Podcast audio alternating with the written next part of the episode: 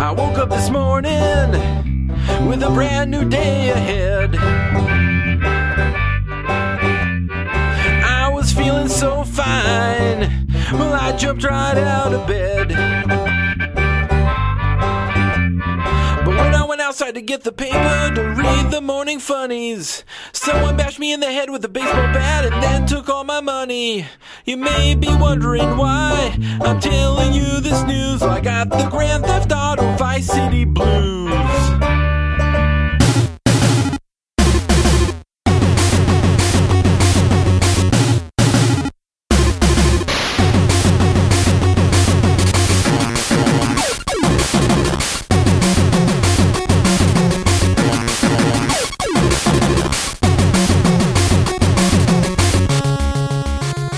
Goder afton mina damer och herrar och välkomna till det som i folkmun kallas för Sveriges bästa retrospelspodcast Retroresan. Min bedårade stämma känner ni igen som Anders Brunlöv och min bättre, andra, vackrare och smartare hälft kallas Samson Wiklund. Hej! Tack för de fina orden, Anders. Varsågod. Tycker alltid det är du som är vackrast av oss. Ja, det, det, allt är relativt vet du. det beror på vilken vinkel och vilket ljus. Ja, det är sant. Är det dagsljus är du bättre. Är det becksvart så är jag bättre. Har, har jag tagit upp det här med Niklas att det är ljussättning som gör det? Det känns som att jag måste klippa in lite citat från Niklas då och då för att jag alltid citerar han och ingen fattar någonting i att det är internskämt. um, ja, god dag Samson. Hur, hur mår det? Jag mår faktiskt eh, löjligt bra. Ja, vad skönt. Ja, jag, jag är inte längre arbetslös. Nej, det har vi ju, vi som hänger på det här balla Twitter har ju, har ju sett det. Ja, och det känns så jävla bra att jag ska ha en lön igen. jag förstår det. Ja, det, stort grattis. Jag misstänker att våra lyssnare också hälsar Ja, grattis. till det är det många som redan har gjort också, just via det här eh, väldigt eh, trendiga Twitter. Exakt, exakt. Eh, vi är ju tillbaka till det som har blivit lite synonymt med oss att vi spelar in i sista minuten. Ja, och nu snackar vi verkligen sista minuten. Ja, det, är, det är fredag när vi spelar in. Ja, det är natten till, ska man väl säga. Ja, det är 22 minuter in på fredagen. Ja, anledningen till det är ju blandat, men främst att jag var med i Spelfokus eh, samma kväll här faktiskt. Jag har precis suttit i tre timmar och diskuterat nörderier. Eh, för att sen direkt vidare gå på Retroresan. Precis. Så nu ska vi sitta och prata om två relativt långa spel får man väl lov att säga. Vi får väl se hur mycket vi har att säga till om dem. Men innan vi, vi börjar snacka om det så kan vi väl höra vad folk har sagt om oss. Jajamän Anders, det ska vi göra och först ut har vi en användare på loading som heter Avantgarde. Coolt namn. Det är Mm. många som har coola namn, det säger vi ofta, ja. men ja. Han säger så här i alla fall. Jag lyssnade på Canon Fodder-avsnittet igen när jag var och joggade. Det blev bara så. Hade inte hunnit lägga till något annat. Magkänslan säger att ni, eller en av er, inte spelat igenom spelet. Eventuellt fuskat eller kanske kollat på en Let's Play. Jag kan inte hjälpa det. Okej. Okej. Eh, första frågan är ju varför han lyssnar på just det avsnittet två gånger. I och med att det är liksom det avsnittet jag, jag avskyr. Sen, eh, för att tala från, utifrån mig själv i alla fall, så nej. Eh, jag har inte använt någon Let's Play och jag har inte fuskat eller vad man ska säga. Däremot så, jag, jag för mig att han är inne på vart han mappar. Ja, han skriver vilken version av spelet kan man mappa kontrollerna? Ja, eh, jag vet inte, en emulator är väl där jag tar ifrån så att säga. Mm. Eh, I mitt fall så är det ju att den PC-versionen som går att få tag på så eh, är det inte särskilt svårt alls att mappa med tanke på att man måste köra via en, en emulerad DOS-miljö. Liksom. Okej, okej. Ja, det finns ju även externa program så att säga. Som, eh, där du liksom kan mappa kontroller till andra kontroller. Jag vet inte hur man ska förklara det. Men Man kan eh, binda om sina keys helt enkelt. jag förstår ändå vart han kommer ifrån med det där. För det, var sån, det är därför jag är så missnöjd med det avsnittet. För att jag satt med mitt huvud helt någon annanstans. Och jag kände liksom inte att jag hade någonting att säga om det där jävla spelet. Eh, som var rätt kul. Vilket också är rätt konstigt. Men det, det var rätt så monotont och samma, samma hela tiden. Det var, det var, det var som att spela Tetris. Vi, jag tror att vi gjorde den otjänst av att spela det på så kort tid. Mm. Det, det hade nog varit bättre att ha mer tid på sig att spela lite grann, alltså tillräckligt mycket för att man fortfarande ska tycka att det är kul varje gång man startar det. Nu blev det ju lite av att man liksom satte sig ner och fick nöta i några timmar tills man tyckte att så här, nu har jag kommit så pass långt att jag kan ge mig för dagen. Liksom. Precis. Precis. Och det, just att man, att man pressar sig igenom det gör ju att det blir väldigt långa sittningar och som jag sa, väldigt likartat gameplay. Mm. Det blir Så- snabbt monotont. Ja, exakt. Och sen var jag inte i i form mentalt. Jag var skittrött och jätteless på världen just den kvällen. Jag vet inte varför, men det, det hade väl med min arbetsdag tidigare att göra. Mm. Ja, om jag minns allting rätt. Sen kan vi också säga det direkt till Avantgarde också, att när det är så att någon av oss inte har hunnit spela färdigt spelet, då i så fall så säger vi det. Vi vill inte ljuga för våra lyssnare. Är det så men att man har... Menar, är det så att man inte har hunnit göra allt, då, då får man liksom krypa till korset och säga det. att Så här, Nej, jag hann inte. Jag har kollat på en Let's Play för att se slutet, för att jag ko- kom inte så långt. Liksom. Det, skulle det hända så säger vi till det i avsnittet så att ni alltid vet det. För att vi, vi är väl så transparenta som det går. Jag menar, folk vet ju massor med saker om oss. Jag har ju folk som säger att de känner mig som jag aldrig har träffat. Men du vet Samson, vi är två vanliga killar. Ja, nej men alltså allvarligt talat, vi, eh, vi är ganska noggranna med att vi, vi är ärliga mot de som lyssnar. Och vi, eh, vi, det, skulle inte... Det är så mycket av den här podcasten som skulle gå sönder ifall vi började ljuga för er. Ja, Sen, sen kan vi hålla saker hemligt vad gäller planering och sånt, men det är ju det är en helt annan sak. Ja, precis. Men eh, gräv fram ett annat avsnitt att lyssna på. Ja, snälla Avantgarde. det, det, det, jag, är, jag är inte lika arg på det som Anders är, men jag tycker inte heller att det är ett av våra bästa direkt. Eh, Okej, nu lät det som att jag var arg på honom. Men Nej, det, avsnittet avsnittet. Nej, det, jag vet inte. Det, det var en negativ känsla när jag spelade in det och därav har den där känslan för, fortsatt med. Men efter det så tycker jag att, du vet, det är alltid mörkast innan gryningen. Kan man säga så? Så kan man säga. Mailat till oss på kramkalas.retroresan.se.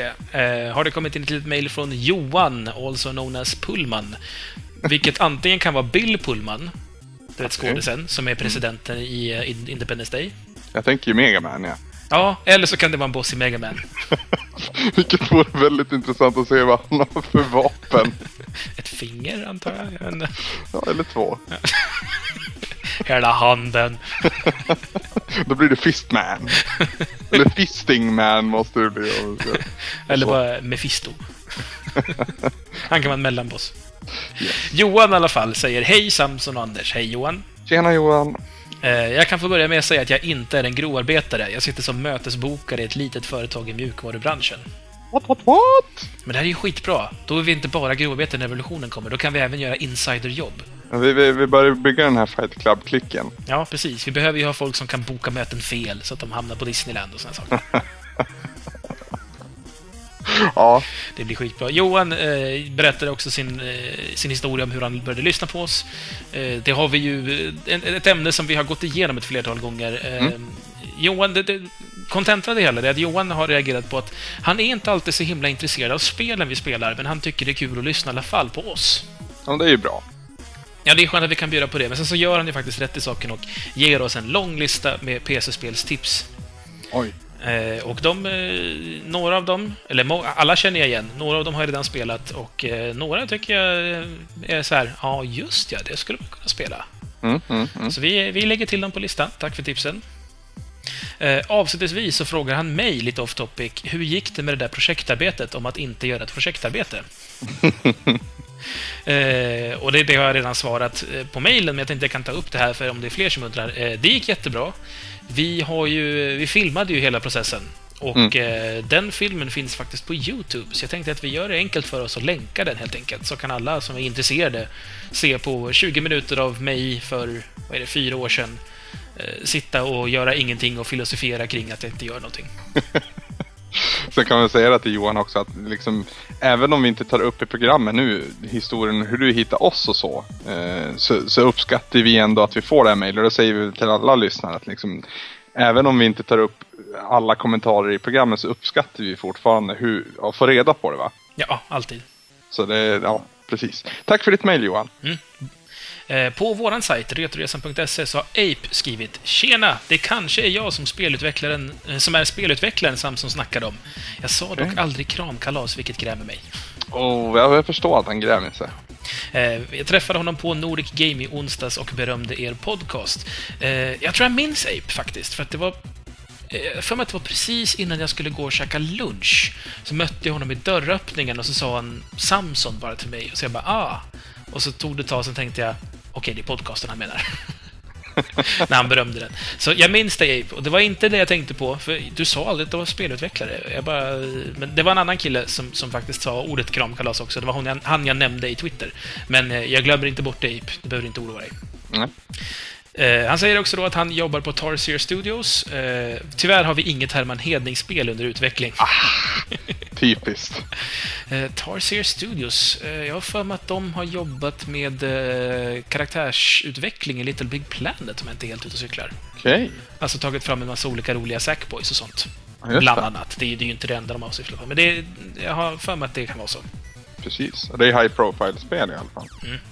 Han skriver bra avsnitt i alla fall. Kul med lite Saturn-spel. Det är en suverän 2D-konsol. Mm. Sen tar han upp en väldigt viktig sak. En del som gnäller att ni kör för mycket plattformsspel, de har fel.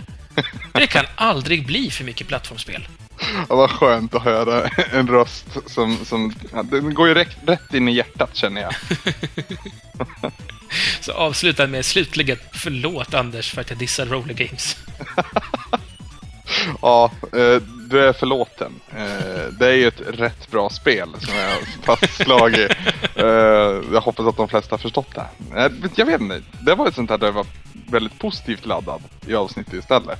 Och, och, och jag fick vinken eller känslan av dig att, att du inte tyckte det var lika bra. Då kände jag liksom att då får jag försvara det här jävla spelet. Så jag har nog sålt det lite väl hårt, som, som med så mycket annat. Ja, ja.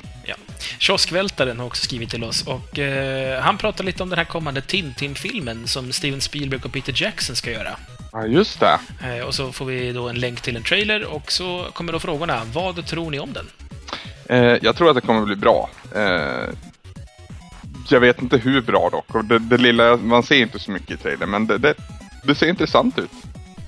Ja, alltså jag tänker så här att eh, de har ju valt ganska så rätt i att de, de kör datoranimerat, men de kör inte på eh, Polarexpressen datoranimerat, utan det är lite mer, eh, alltså så här, det är mer fel, så att säga, i, i uh, verklighetstrogenheten i karaktärsdesign och sånt. Mm. För Polarexpressen leder ju av det här, vad är det det heter nu då? Du vet när det är så nära, så nära verklighetstroget att det känns obehagligt. ja, någonting realism, va? Nej, det, det, finns ett speciellt namn av det som jag har glömt bort för tillfället. Men det, det du, du, vet vad jag pratar om i alla fall. Ja, ja, ja. ja när, när, man gör någonting som är människolikt, så, så länge det är liksom hyfsat människolikt, typ Pixar-film, så kan vi relatera till det och vi kan liksom, ja, vi, vi bygger upp en liksom känsla för det. Men börjar det... Uncanny Valley heter det. Eh, när man liksom kommer så pass nära verklighetstroget, men inte riktigt hela vägen, då dimper det. Och då tycker vi... Det är någonting i oss som liksom reagerar med obehag på det. Mm. Eh, och sen så liksom, när man kommer till full realism, då går det upp igen och så accepterar vi det. Ja, just det. Så det är ja, mellan, mellan, la, mellanläget där som är obehagligt. Jo, alltså när man pratar om uncanny valley så kan man ju tänka sig att man ser det här som en slags eh, skala som visar liksom en linje av hur verklighetstroget det är kontra hur mycket vi gillar det. Mm. Och så går det liksom stadigt uppåt till en viss punkt och dimper det ner på noll. Och det är liksom det då som är den här dalen i uncanny valley. Men det är lite det också. Nu är det absolut inte samma sak, men vi pratade om det, om det var, jo men det var skitsnack senast. Eh, de här magiska svarta lådorna. Att de befinner sig i mellanlandet mellan fantasy och verklighet. På något vis. I en, i en serie som ska representera verkligheten. Det är inte riktigt samma parallell som jag tänker på, men, men eh, jag förstår hur du menar. Skitsamma. Ja, nej, men alltså, jag, eh, det, jag känner igen så att säga samma typ av dipp där. Mm. Eh, men, men eh, jag skulle inte säga att det är samma sorts eh, känsloreaktion som det här är. Nej. För det handlar inte om att bryta mot, en, mot sina egna regler på, på, som det gör då, utan här är det istället bara att det, det ligger liksom i oss att vi, vi, vi, vi ska reagera på det sättet. Det är något biologiskt, tror jag. Det är därför man kan tycka att robotar som ser mänskliga ut ser lite obehagliga ut. Mm. Det är ju för att de ser ganska mänskliga ut, men inte fullt ut. Medan R2D2 och C3PO liksom funkar, för de ser så långt bort från mänskliga ut. Precis. Ja, men... Eh, jävla långt utlägg om det. Eh, jag tror att filmen kan bli bra. Jag tycker Tintin inte är så snygg. Tintin är ju skitful. Mm. Eh, jag vet inte varför. De höll ju på att avtäcka han in i sista bildrutan också. Mm. Eh, I den här trailern vi pratar om då. Och eh, det var ju liksom en chockeffekt nästan att se han. Det, an, samtidigt var det ma massa coola grejer man såg. Bland annat det här skeppet som, som glider fram i öknen. Mm, Tyckte precis. jag såg riktigt ballt ut. Eh, Jag tror, att, ja, vi, vi får se. ja, jag, tror, jag tror att det kommer bli en svulstig film. Jag är lite rädd för Tintins utseende. Mycket, jag tyckte han såg lite ut som en sån här ginger-unge. Ja, han är ju han är ju ful Tintin. Så Jo, kanske, jo, han, så ful ska han vara, men han ska inte vara ful på det där sättet. På vilket sätt ska han vara ful då? Ja, men han, ska, han ska vara ful som att han typ... Han har lite konstigt ansikte och så en ful lugg och ser lite barnslig ut. Där såg han ju mer ut som en så här... En äcklig britt på solsemester, fast utan Tyckte han såg ut som en förvuxen baby helt ärligt alltså. Eller för, förvuxen eh, liten unge på typ 10 bast. Ja, kanske. Men det, det är väl att han var, så, han var så himla blek och hade så konstigt hårfäste och sådär. Han såg ut som en ginger och det... Jag, jag, är inte så, jag gillar inte det så mycket. They have no souls. Ja, precis, det är daywalkers. Robidoo skriver Mer Samson i sagostunden. Anders, du har en trevlig dialekt och roliga ordval, men snälla sluta säg någonstans. Du kanske inte tänker på det, men jag blir tokig på det ordet. Ja, äh, någonstans har jag alltid sagt sen. eh, Och nu har jag börjat embracea min, min dialekt här när, när jag flyttar ner. Embracea. Eh, Embracea, ja. Svengelska igen. Mm. Eh, jo men jag tycker om att jag får sticka ut lite grann nu när jag pratar. Det är ju det är fler än han som stör sig. Eh, Inte minst när jag sväljer ord som, som vi halvnorrlänningar framförallt har en tendens att vilja göra. Eh, men du säger, någonstans ska jag säga det alltså. jag tycker du får säga stans om du vill. Ja, det är mycket sh. Ja, men så säger du prater istället för pratar. Mm. Men, men jag har ju också dialektal, men det är, mitt är väl vanligare. Jag säger aldrig ordet ja. Jag säger alltid bara a. För jag är upplänning och upplänningar säger inte j när man, när man bejakar någonting. Nej, precis. Är det fint väder? Ja. Så säger jag jämt. Ja, men det gör nog jag också. Ja, men det gör nog jag. Ja. Sen har jag lite hälsingemål i mig. Jag säger, ibland så kommer det fram och jag säger mä och bläv. ja, det är kul med dialekter. Ja. Men... Eh, eh, nej. Jag, jag, tänker inte, jag tänker inte aktivt försöka ändra på men det är ju en process som pågår dock. Eh, min dialekt håller på att försvinna, det, det, det, det märker jag. Eh, delar kommer väl att fastna kvar, helt klart. Men eh, jag kommer prata som att jag, jag, jag pratar. Pratar. Tyvärr. Ja, det är fint, Anders. Jag tycker du Ja. låter så mysigt så. eh, Niklas Sintorn hälsar via Twitter. Jag undrar om Brunlöv har lärt sig jula än. Annars tar jag på mig att lära honom. Jag kan lätt få honom att klara en enhandshjuling. Åh jävlar. Ja, det, det har jag ju inte, eller jag vet inte. Jag har ju... Det var roligt för när jag fick den här tweeten så var jag rätt så berusad. Och då, då tänkte jag för mig själv att jula, det fixar jag nu. Och jag var typ två, men, två sekunder ifrån att eh, göra ett försök också. Men hejdade mig i sista sekund. Det hade jag velat Eh, se. I nyktert tillstånd så inser jag att nej, jag är nog inte kapabel att jula utan professionell träning. Och han är väl en sån här... Eh, som har moves, så att säga. Niklas tränar capoeira, så att han Ja. kan nog lära dig julen ganska så bra. Precis. Så jag, jag ska komma ihåg det. Men först måste ju vi få typ 50 pers att sluta gilla Radio Speltorsk. Eller framförallt få mer än 50 personer börja gilla oss, så att vi går om dem. Mm. Det är det som är Ja. viktigt. Ja, i och för sig. Kanske. Nu har det ju släppts mer än bara vårt ordinarie avsnitt under förra veckan. Vi har ju varit tokigt flitiga. Precis. Så det har ju kommit ut både skitsnack och Retroresan special Chrono Trigger. Exakt. Och det är inte helt oväntat att hela Chrono Trigger-sagan ihopklippt. Mm, precis. Så vi gör som så att vi... Eh, skitsnacket kan vi ju spara till nästa skitsnack, men däremot Chrono Trigger har det ju kommit in eh, lite kommentarer på, så vi tar dem också. Mm. Först ut är då Tommy Håkansson, eller Blund som han också kallas, Svamperike-killen. Mm. Eh, Och Laser för den delen. Han skriver så här. Oh, det här måste jag spara tills flickvännen kommer hem. Det här kommer hon också vilja lyssna på. Fan vad kul! Alltså, Eh. jag ser framför mig hur de sitter och myser tillsammans. Jo men precis som tanken är med Sagastunden, att man ska mysa ner sig lite. Mm. Eh, jag, jag, jag inbillar mig att det är enklare med Chrono Trigger än med Planescape Tournament, men det, det, det kommer vi till sen. Det, det finns folk som uppskattar Planescape Tournament, helt klart. Så. Men det, det, det är mer saga över Chrono Trigger, får jag väl att säga. Jo. Kul att, kul att uh, Tommy lyssnar. Ja. Jag, jag har alltid, alltid med låter som ett... Men jag, de, de texter jag har läst som han har skrivit har jag alltid tyckt varit jävligt bra. Så pusha en gång till för han då. Tommy är väldigt duktig tycker jag. Mm. Eh, sen har det också kommit en kommentar på Facebook angående samma, samma avsnitt. Okej. Det är Johan Kås Karlsson Sjögren som säger så här. Har lyssnat igenom Chrono Trigger-specialen nu, två gånger dessutom. Åh jävlar. Starkt jobbat Anders. Tack så mycket. Starkt jobbat Johan, säger jag. det är ungefär vad jag tänkte också. Eh, här kommer dock en liten fråga. Okej. Jag har dock svårt att greppa att du inte sätter Chrono Trigger på samma nivå som Final Fantasy-spelen. Mhm. Förvisso har Final Fantasy 4 och 7 bättre handling i Chrono Trigger, eller talat är den rätt banal. Men som spel betraktat känns Chrono Trigger fortfarande otroligt modernt. Final Fantasy 6 och 7 känns riktigt gamla i sin spelmekanik och enda anledningen till att man spelar dem idag är för handlingen och nostalgin, medan Chrono Trigger på en spelmässig nivå fortfarande håller. Mm. Vad tycker du först Samson? Vad tycker du först? Ehm, han har en poäng. Eh, sen tycker jag att Eh, han tar upp stridssystemet som ett exempel som fortfarande känns fräscht. Alltså, mm, jag tycker att stridssystemet i Chrono Trigger eh, är annorlunda än Final Fantasy, men jag vet inte, men jag tycker att det är liksom eh, mer tidståligt än Final Fantasies.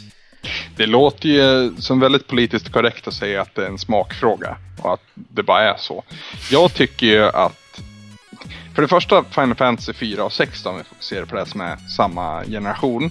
Eh, så var ju det mina första rollspel, liksom svulstiga rollspel i alla fall. Och det var där jag lärde mig också att spela JRPG. Eh, och där mådde jag nog bra av att det här stridssystemet var rätt så enkelt och rätt så basic för att jag inte var skolad till något annat. Jag, jag, jag, jag kunde ta till mig det ganska enkelt och jag, jag kunde förstå det. Samtidigt så, så, så, så ser jag ju varför eh, Chrono Trigger, varför många tycker att Chrono Triggers stridssystem är, är bättre. Dock så tycker jag att man gjorde det lite väl krångligt ibland. Jag störde mig bland annat på att eh, beroende på vart man står på skärmen så dyker det ofta en, eh, en stor textruta upp i vägen ibland. Och det löste man, löste man i DS-versionen sen med att placera alla textrutor och, och stats och sånt på den andra skärmen.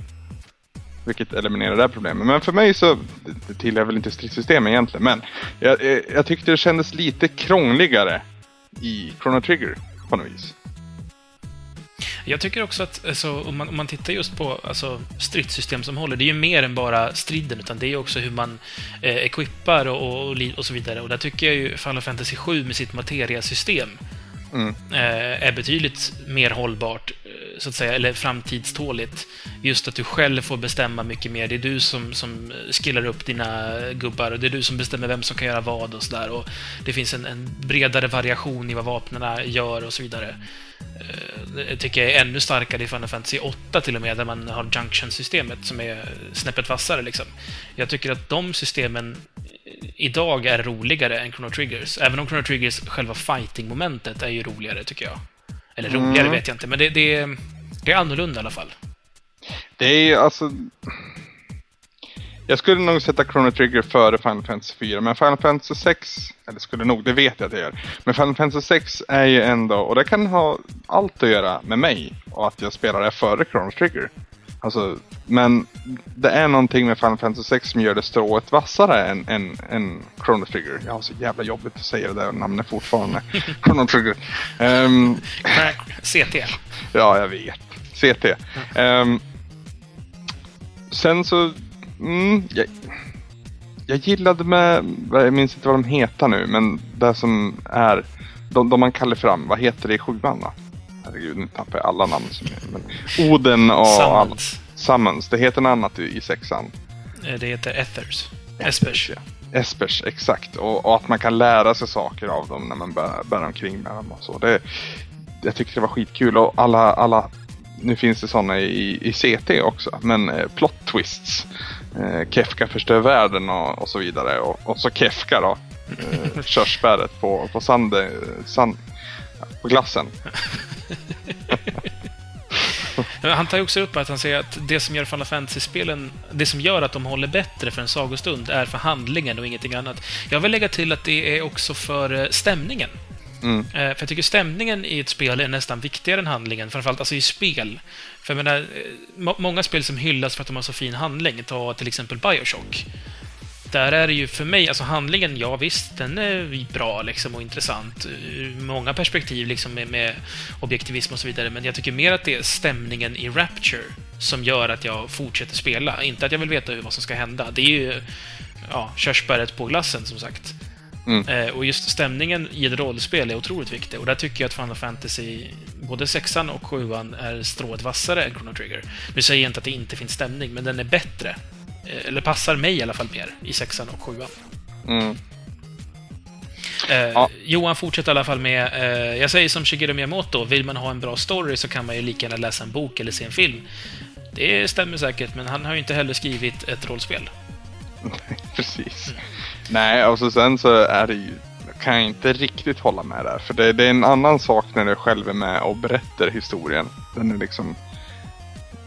Nu är det väldigt minimalistiskt tänk i, på SNES. Men i Heavy Rain till exempel. Mm. Där du, där du faktiskt formar storyn och får... När, när du spelar det omedveten om, omedveten om vad som kan hända. Så det, det blir en rätt så unik upplevelse. Sen så finns det ju stories som bara funkar i spelform också. Så han pratar om att man kan läsa en bok eller se en film. Det, alltså, vi pratar ju om olika sorters berättelser. Saker som funkar i bokform funkar ju inte alltid i filmform. Nej. Eh, och det, detsamma gäller ju även för spel. Jag menar, ta en sån story som Bioshock. Den blir nog inte så jävla intressant som film. Man kan göra en intressant film i Rapture. Men just den berättelsen som kommer i, i Bioshock-spelet tror jag gör sig som bäst som spel. Kolla på eh, Metal Gear Solid-spelen. När liksom gameplayet också är en del av berättelsen. Alltså det, det, det är svårt att göra det med ett, ett med det här styrda narrativet som man ändå får med film. Eh, Braid är ytterligare ett exempel. Ingen Jag tänkte här- säga. Jag bara väntar på att du ska säga Braid. Ja, men ingen av dem hade ju funkat att göra som en film.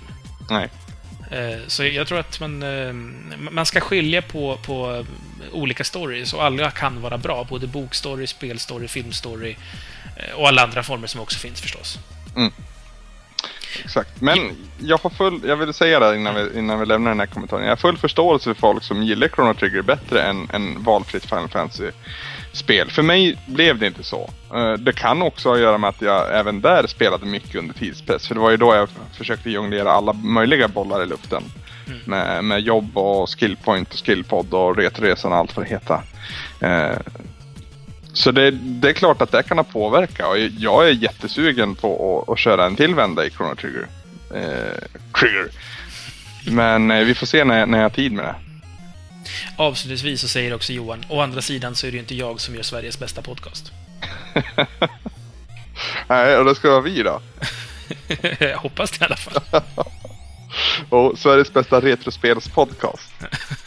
Man säger retro lite smyg. Sveriges Ja, bästa podcast. Tack så mycket Johan, det, var, det värmer. Ja. Och med Johans tjusiga kommentar så stänger vi postsäcken för denna vecka och går in på veckans första spel.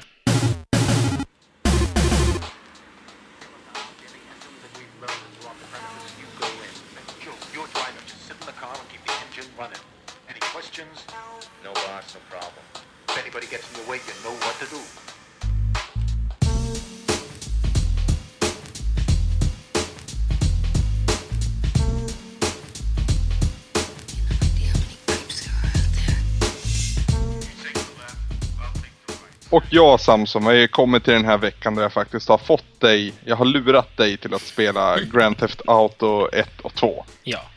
Till eh, PC för min del och jag vet inte hur du löser situationen. Ja, det blev PC också.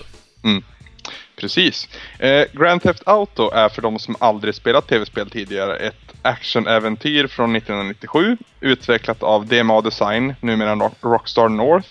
Och eh, dessutom startskottet för den här spelserien som jag har en liten crush på och som skulle komma att skaka om spelmedia, eh, orsaka kontroverser och eh, en jävla massa kontroverser.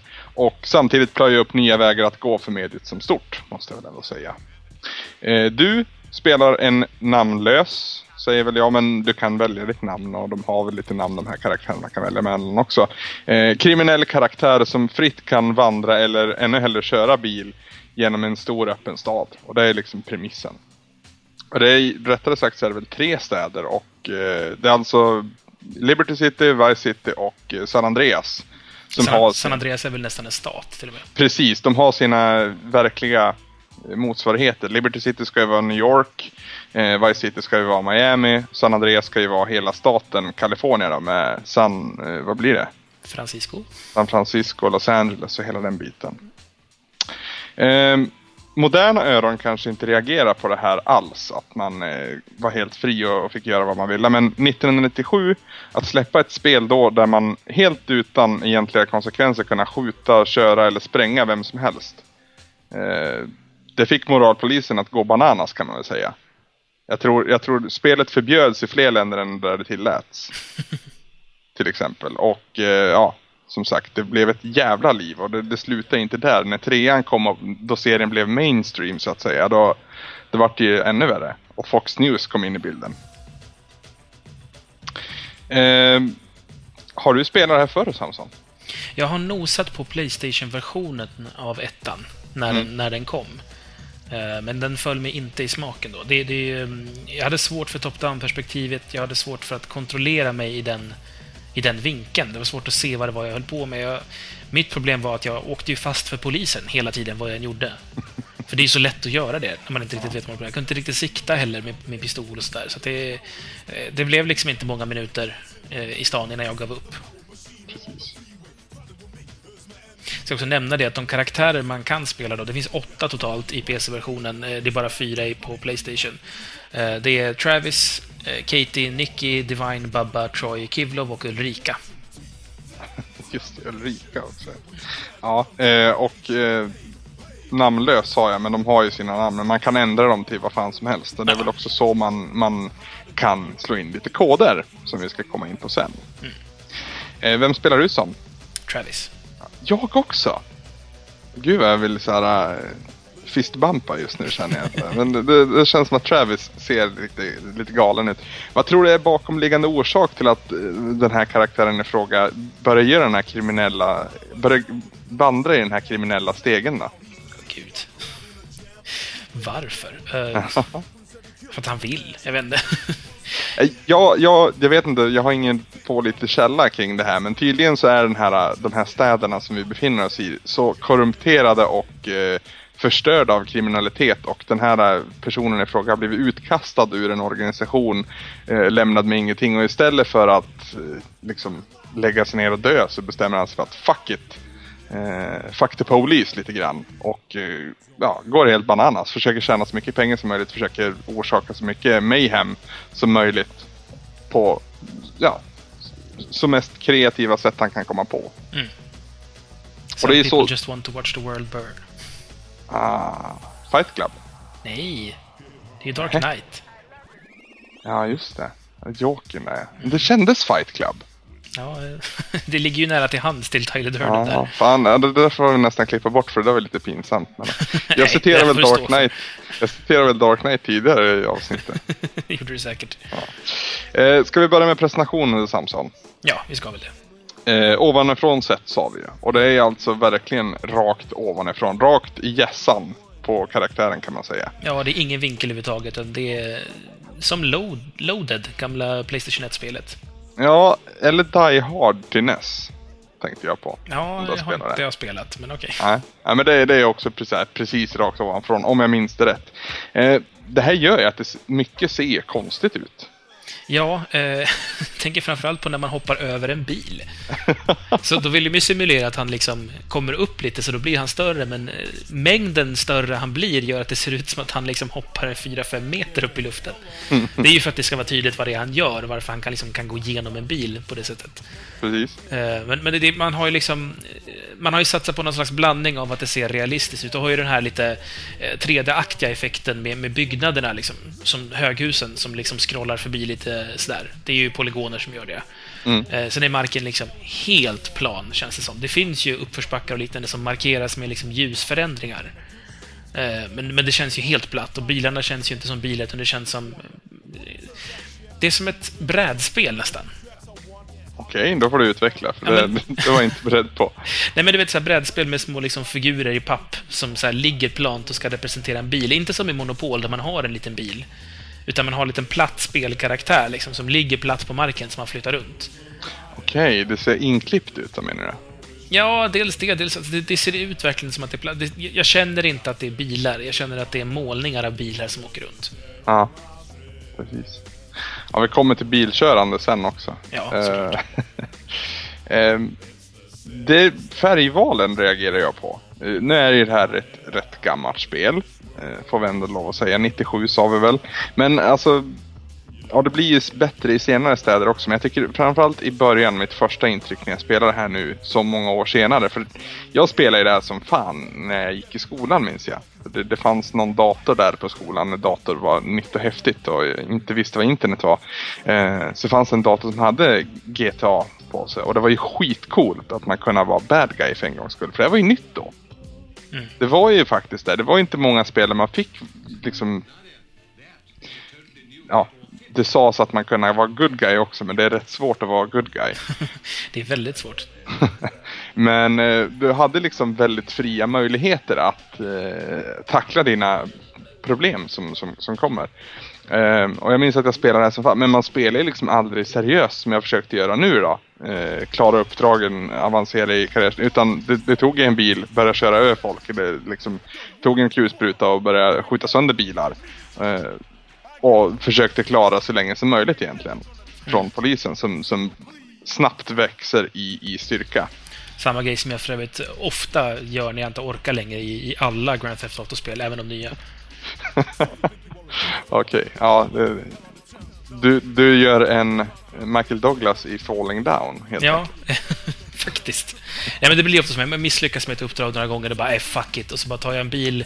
Alltså man ser till att ha en sparpunkt från lite innan då. Men man tar en bil och så kör man bara överallt och försöker liksom bara få så hög eh, polis-wanted-rang som möjligt liksom. Ja. Det, det är vi nog inte ensamma om. Jag tror att det, är en del av det som har gjort spelet så populärt. Jag kan väl också nämna det att eh, kontroverserna kring det här spelet eh, var ju också eh, med flit, så att säga. Alltså Take-Two som gav ut eh, spelet anlitade ju en, en eh, publicist, eh, Max Clifford hette han, och han, så att säga, rusade ju upp media mot spelet för att ge uppmärksamhet till det. Och det funkar ju. Ja, det funkar ju fantastiskt. Ja, och det funkar fortfarande idag. Ehm, jag tänker på Owner när han visade pitten och Fox News sket på sig. Ja, men det är alltså... Framförallt Rockstar är ju väldigt bra på det här. Det är, de har ju en, en eh, full front, eller full nudity på ett lik i eh, LA Noir. Mm. Eh, Som det redan nu pratas om, om att det är så hemskt. Det, ska ju, det är ju en, en, en, en så här coroner-undersökning, men likt förbannat så, så är det ju livsfarligt att barnen spelar det här och så vidare. Det är, det är extremt passande hur, hur, hur väl det här avsnittet om Grand Theft Auto 1 och 2 eh, kommer lag... Vi, jag kommer vara klar med avsnittet, kommer gå och lägga mig när jag vaknar på morgonen då kommer jag kunna spela LA Noir. det, det är ju helt perfekt. Eh, Vi kanske ska förtydliga det också, att vi kommer alltså prata om spelen i ordning. Så vi pratar först om Grand Theft Auto 1, sen tar vi en musikbreak och sen pratar vi Grand Theft Auto 2. precis, det, det har vi inte gått igenom. Nej, vi kör på samma recept som med, med Turrican-spelet. Mm. Eller spelen, rättare sagt. Vi pratar presentation egentligen va? Mm. Eh, och vi, vi var väl inne lite på grafiken. Det ser ju gammalt och inklippt ut. Eh, någonting jag reagerar på som såg väldigt inklippt ut, det är explosionerna. Jag tycker Mm. jag känner igen de där explosionerna från någon annanstans. Jo, men det är lite sådär stockpile som man bara slängt in och de, de stämmer ju inte överens med perspektivet ofta. Nej. Eh, Det ser ju inte ut som en explosion ovanifrån, utan det ser ut som en klassisk vanlig platt explosion i ett sidskrollande spel som man liksom bara har slängt in här för att man behövde en explosion. Mm. Eh, alltså överlag kan man väl säga att grafiskt så är det här spelet väldigt sparsmakat, även för sin tid. Menar, det här är 96, då kom det många spel som var vackra Mm. eh, i jämförelse. Och det här, det här reagerade man på redan då, att det var liksom väldigt simpelt. Men det hade ju sin förklaring i hur stor världen var och hur mycket man kunde göra i den. Precis. Så, och, och det fanns ju liksom andra saker att koncentrera sig på, så grafiken är ju inte det som är det viktigaste. Och animationen är ju jättesimpel och eh, det är liksom ingen, inget krusidull överhuvudtaget. Det är liksom väldigt bara så här, eh, vad ska man kalla det? Eh, det är funktionellt, men det är inte så mycket mer liksom. Nej. Någonting som är mer funktionellt, enligt mig då i alla fall, det är musiken dock. För n- när du sätter dig i en bil så, så har det, jag vet inte hur många stationer det är i, i första spelet eller i andra spel för en del, men det är en del. Och det är en hel del olika musik och det är faktiskt en hel del bra musik måste jag säga. Och det här är också en sån här grej att när jag spelade det här eh, på min lilla dator då, back in the day. Eh, då, hade, då var det någon ful version minns jag. Det var, in- musiken var inte med för det tog för mycket data. Det var väl 16 megabyte för mycket. Eh, vilket också för, visar på hur, lång, hur länge sedan det ändå är och hur fort det har gått. Men eh, så jag har ju helt missat musiken innan och det vart ju verkligen en någonting som jag reagerar på nu då istället. Det var nästan så att man ville liksom, liksom, så fort du hade tagit en bil och inte hade någon polis efter så ville de mest parkera och sitta och lyssna ett tag. För dels är det ju bra musik och sen är det ju framförallt i tvåan men även lite i ettan lite rolig reklam och, och lite speakerröster som säger roliga saker. Och det är ju någonting som har gått igenom i resterande delar av den här serien sen också. En höjdpunkt.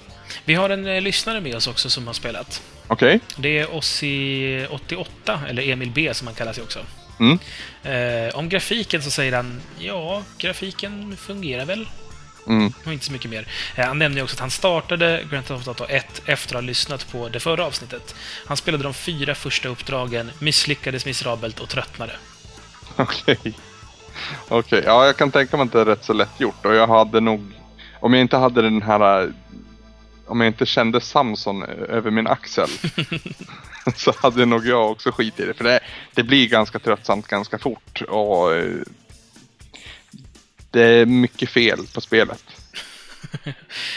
Fel vet jag inte, men det är mycket slarv i spelet. Det är mycket som känns ofärdigt, tycker jag. Ja, ofärdigt men också, ja, ja vi, vi kommer till det. vi kommer till det. Vad, vad, tyckte du om musiken vill jag höra? Jag gillade musiken också väldigt mycket. Alltså det, problematiken i det här, det blir att det känns ju så ojämnt. För när man har så genomarbetad musik Mm. och så, så genomtänkt och, och smarta grejer som man gör liksom med just radiostationerna. Och sen så är det så simpelt i sin grafiska upplägg och även med ljudeffekterna. Då blir man så här... Eh, alltså, hur är ert team fördelat? Är det så här två snubbar, två praktikanter gör grafiken och sen sitter 20 tokmusiknördar och, och så här, typ eh, ståuppkomiker och jobbar ihop liksom vad som ska vara på radion? Ja men ibland känns det så. Och det, de har ju liksom, det är ju riktig musik och det är väl troligtvis inte Rockstar-killarna som har spelat in den här musiken. Utan de har tagit någon så här underground-band eh, som inte har någon label. Till, till, till största delen i alla fall. Så, så föreställer jag mig.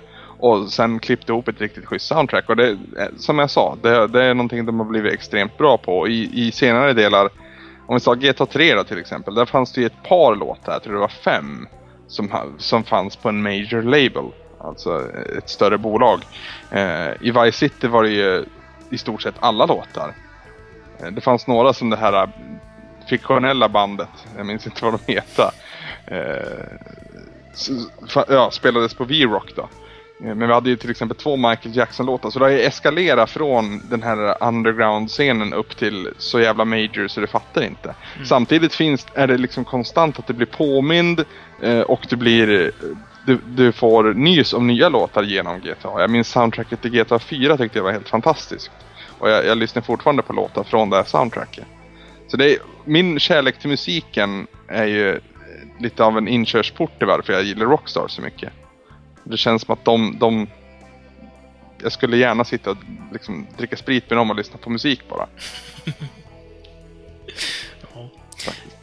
Vad tycker du om ljudbilden i övrigt då? I övrigt så är det ju alldeles för sparsmakat. Ja. Eh, Det är inte mycket som låter rätt. Alltså, det är tråkiga explosioner. eh, Den här radio... polisradion är bara tråkig att lyssna på.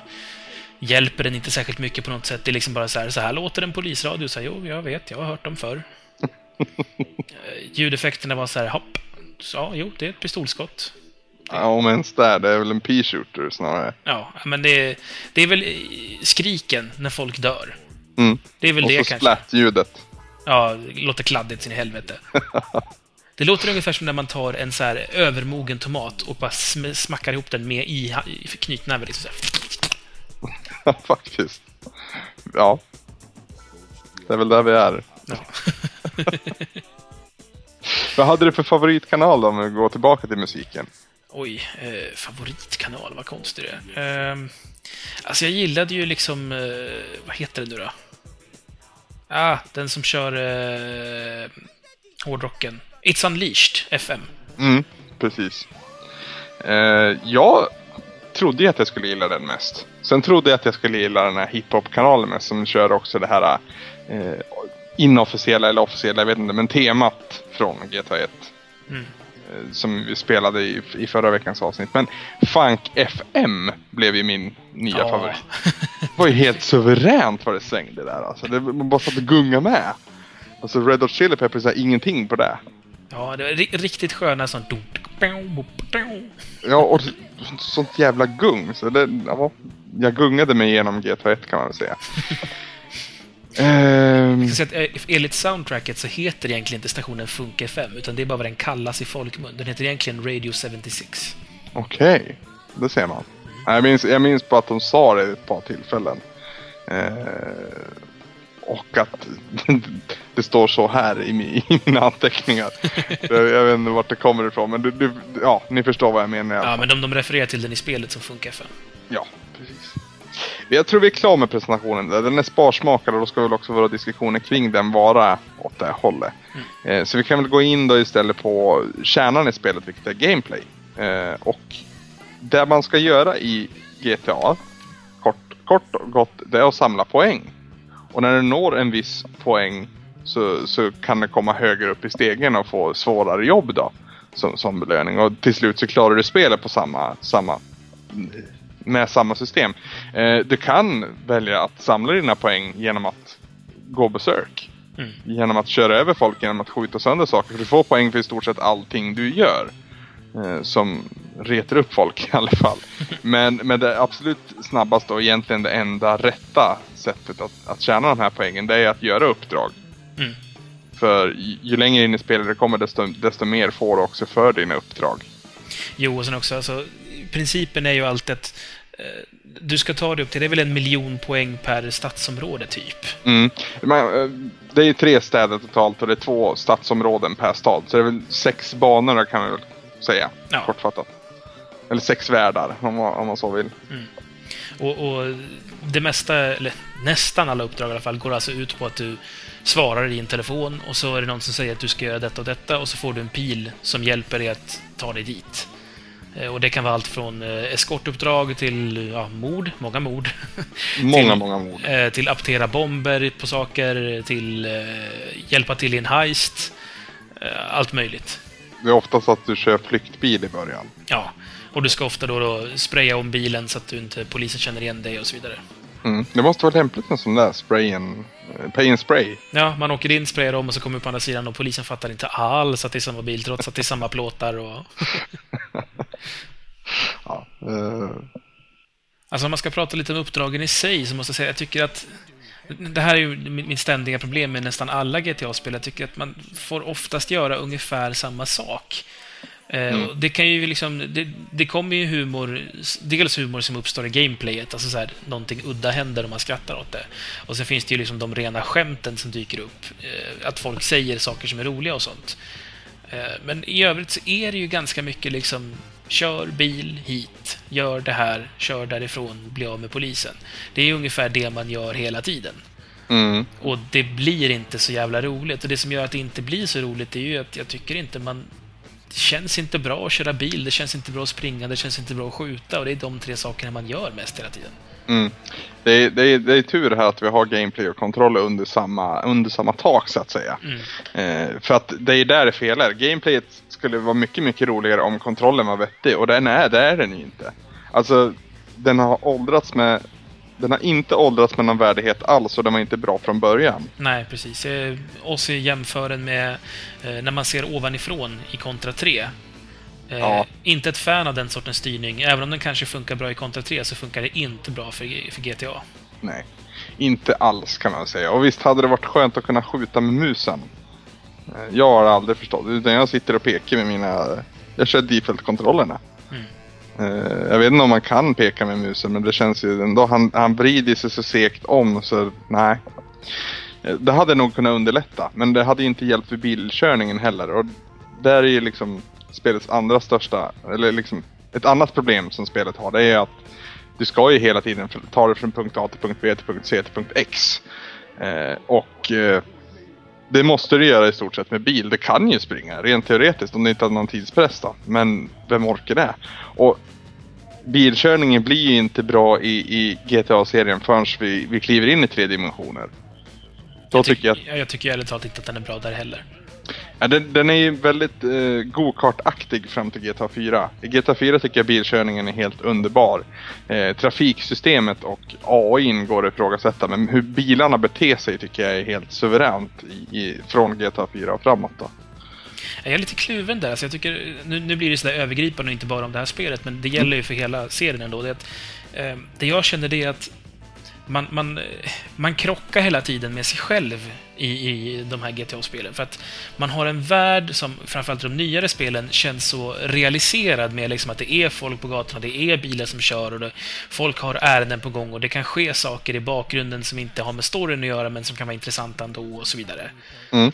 Eh, Så där har man liksom byggt upp en form av liksom hyfsat realistisk känsla, framförallt i GTA 4 där liksom New York är väldigt vackert realiserat. Sen på det så har man liksom en, en berättelse och, och karaktärer som är så här cartoony och överdrivna, som ge, bjuder liksom upp till någon slags lekfullhet. Och sen så har man bilkörningen, och bilkörningen känns ju, i alla fall i de moderna spelen, hyfsat realistisk. Eh, Alltså, det är mer sim än vad det är liksom burnout. Mm, mm. Och då kände jag att där gör man fel. Jag känner att man hade hellre satsat på att göra det mer lekfullt hela vägen. Alltså hellre burnout-körningen. Eh, som är liksom vräkig och överdriven, för det stämmer bättre överens med karaktärerna och det man gör i övrigt.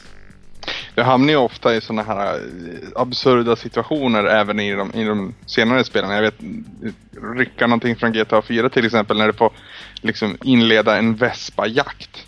Där, där du jagar en kille på en Vespa med en, med en Vespa som du sitter på. Det, det är liksom genom en park och det går skitsakta och det ser skitlöjligt ut. Men liksom det, det är ändå...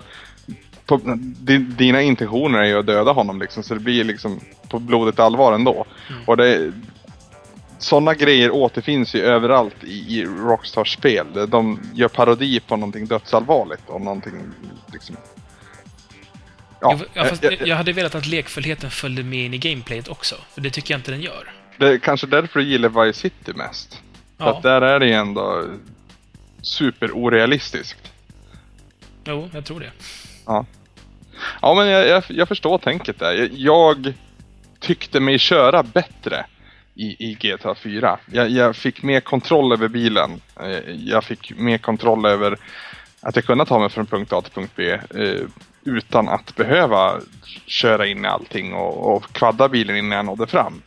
Och därför gillar jag det bättre. Men jag håller med dig samtidigt om att det inte passar in i den här freakish eh, bilden. Men när jag är där igen och försvarar det här spelet. Men i GTA 4 finns det ju både och. Det finns en väldigt allvarlig ton också i GTA 4 som inte är den här eh, galna karaktären. Och så. Det handlar om Nico och hans liksom eh, försök att fly sin, eh, sin verklighet och samtidigt Jo, det, det är sant. Men den kommer, ju så, den kommer ju längre in i spelet än liksom de bitarna som jag brukar orka med i de här spelen. Ja, det är väl det. Ja, men sen så är det också att jag känner att det blir lite too little too late. Det blir som när Redneck skulle göra en allvarlig video till Wish You Were Here. Det är så här, men alltså jag har sett dig stå liksom och dansa på en halmbal och det funkar inte att du ska stå och se dramatisk ut vid, i månskenet liksom. Nej, nej, kanske inte. Jag har ju spelat i stort sett varen, varenda GTA-spel förutom det här Chinatown Wars. Jag har spelat från början till slut nu. Har du även spelat eh, tilläggen här och London och de här? GTA London har jag inte spelat klart, nej. Precis, det är ett spel som, som följde upp eh, första GTA. Mm. Jag har inte heller spelat eh, Vice City Stories. Liberty City Stories har jag spelat till PSP. Men Vice City Stories började jag spela på PS2 men sen glömdes det bort. Mhm. Men de, de riktiga delarna så att säga. Kan man säga det? Alltså ettan, tvåan, trean, Vice City, San Andreas och fyran. Och Lost Ja. and Damned och Battle of the Gave Tony. Yes. Exakt. Ja, eh, vi håller på att prata om gameplay ja.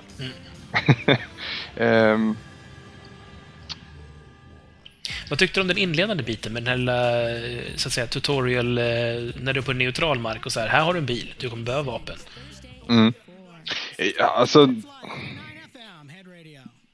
nu när man är vuxen så, så förstår man ju att det är en tutorial.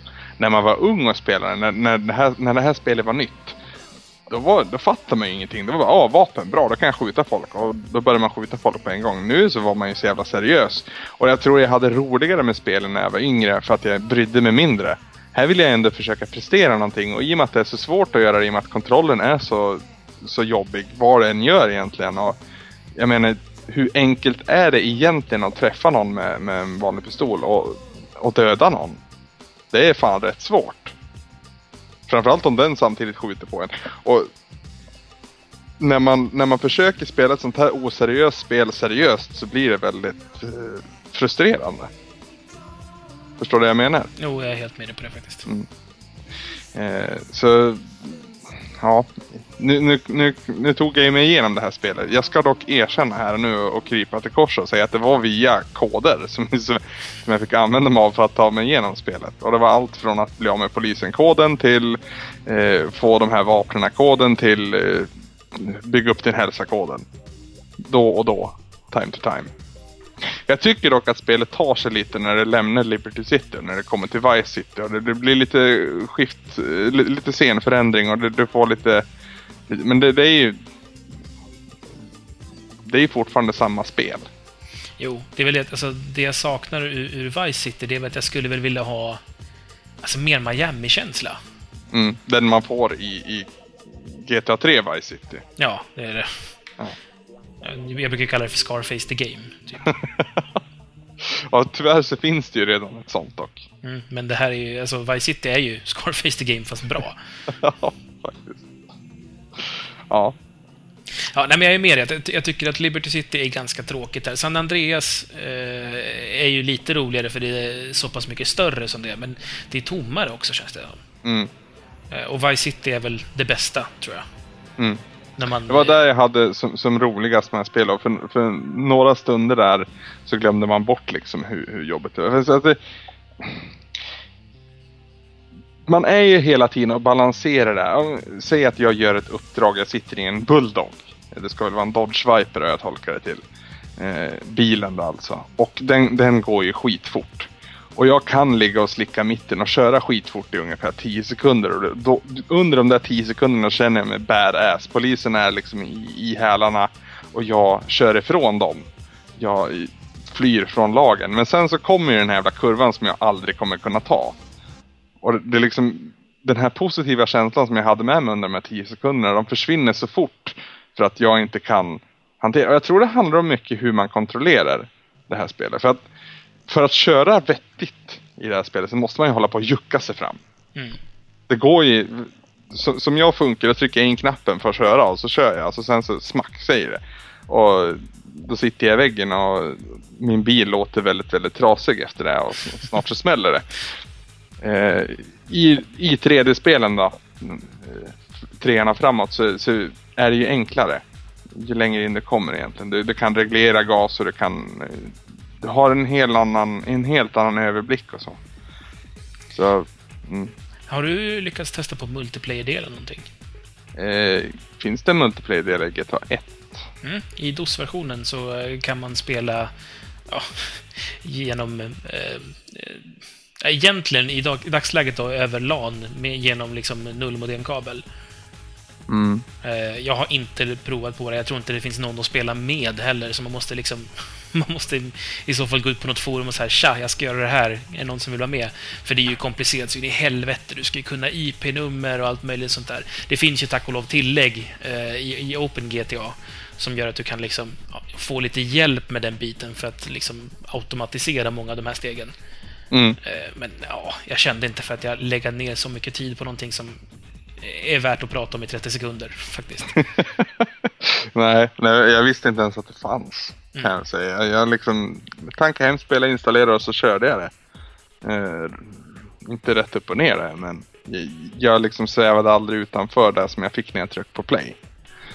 Eh, och jag ångrar väl mig inte så vidare mycket nu heller kan jag säga. Nej, man känner sig ganska nöjd ändå, tycker jag. Ja, jag, jag ärligt talat så känner jag nog att jag fick lite för mycket. ja det, det är lite överdosering. Känner jag. Eh, men jag, ändå, jag sitter här och är ett fan av Rockstar. Jag förstår varför, varför den här serien blev så stor när jag spelade GTA 1 också.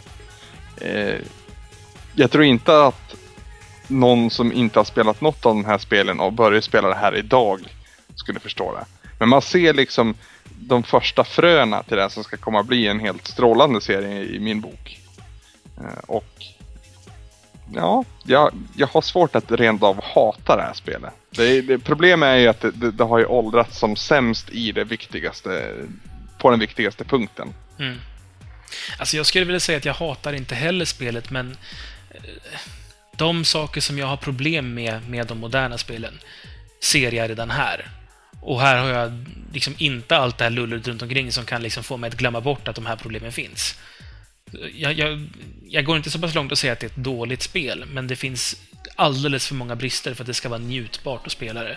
Det, det är ju... Eh, idag är det mest en, en så här nostalgisk återblick av hur det var från början. Det, det, är, det är inte värt att spela igenom det här spelet, helt enkelt. Nej. Nej, jag, jag tror jag får stämma in i den kören faktiskt. Om du, om du känner att får en din GTA-fix så, så starta spelet, sätt dig i en bil och lyssna på musiken. Ja, I faktiskt. stort sett. Eller Det- ladda ner soundtracket. För, Ja, det är det enda som fortfarande är bra. ja, Ärligt det, ja, gud vad jobbigt det är att säga det här. Ja. Det, det känns som jag, som jag pratar om mina barn här. Ja, jag, jag tycker det är så härligt. kan Jag, säga. Jag, som, jag som tycker att Grand Theft Auto är en av de mest överskattade spelserierna någonsin. Nej, Det tycker jag visst det. ja, men det tycker du fel. Ja, så kan det vara. Ska vi, ska vi kanske börja sammanfatta våra intryck av spelet? Ja, vi har väl berört utmaning och livslängd. Alltså livslängden är ju ofantlig. Det är ett skitlångt spel. Mm. Där, eller så är det känslan av att det gör samma samma hela tiden. Och dessutom spelar man under tidspress va? Alltså, det är ju långt. Det finns ju eh, över 50 uppdrag eller något sånt där, allt som allt. Mm. Så att det finns ju saker att göra hela tiden. Jag, jag jag kom på en annan sak jag gillar nu bara för det. Mm. Slutfilmerna när man var klar med e- ett kapitel om man säger så. Då. Eh, väldigt sparsmakat animerat och så, men jag, jag, jag gillar dem som fan. Och när jag hade, när jag hade klarat hela spelet sen då, då, då, då kunde jag sitta och liksom bara bläddra mellan dem. För när du är klar med en stadsdel så är, kan du inte återgå dit. Utan då när du försöker ta dig dit ser du bara en film av, av den här bossen som har jobbat, jobbat åt. Och eh, vad han säger att det är att du har, varit, du har varit så duktig. Och det är väl Ja, jag minns inte vem det är i Liberty City. I Vice City så är det någon sån här äh, italiensk mafioso. I, i San Andreas är det någon eh, japangubbe minns jag. Ja, det, jag. Jag tyckte den var charmig. Och då, I Vice City hade det också den här... Äh, åh! det är ju Rockstar bra på. Det här håller också fortfarande. Karaktärerna, om man, om man sätter sig ner i djupet, läser det som står i texten och man lyssnar på, på radion vad som sägs om olika karaktärer. Vad, vad sjukt det är. För den här eh, korrumperande polisen som stöter på i Vice City. Han är ju kannibal också. Är det Samuel Deaver?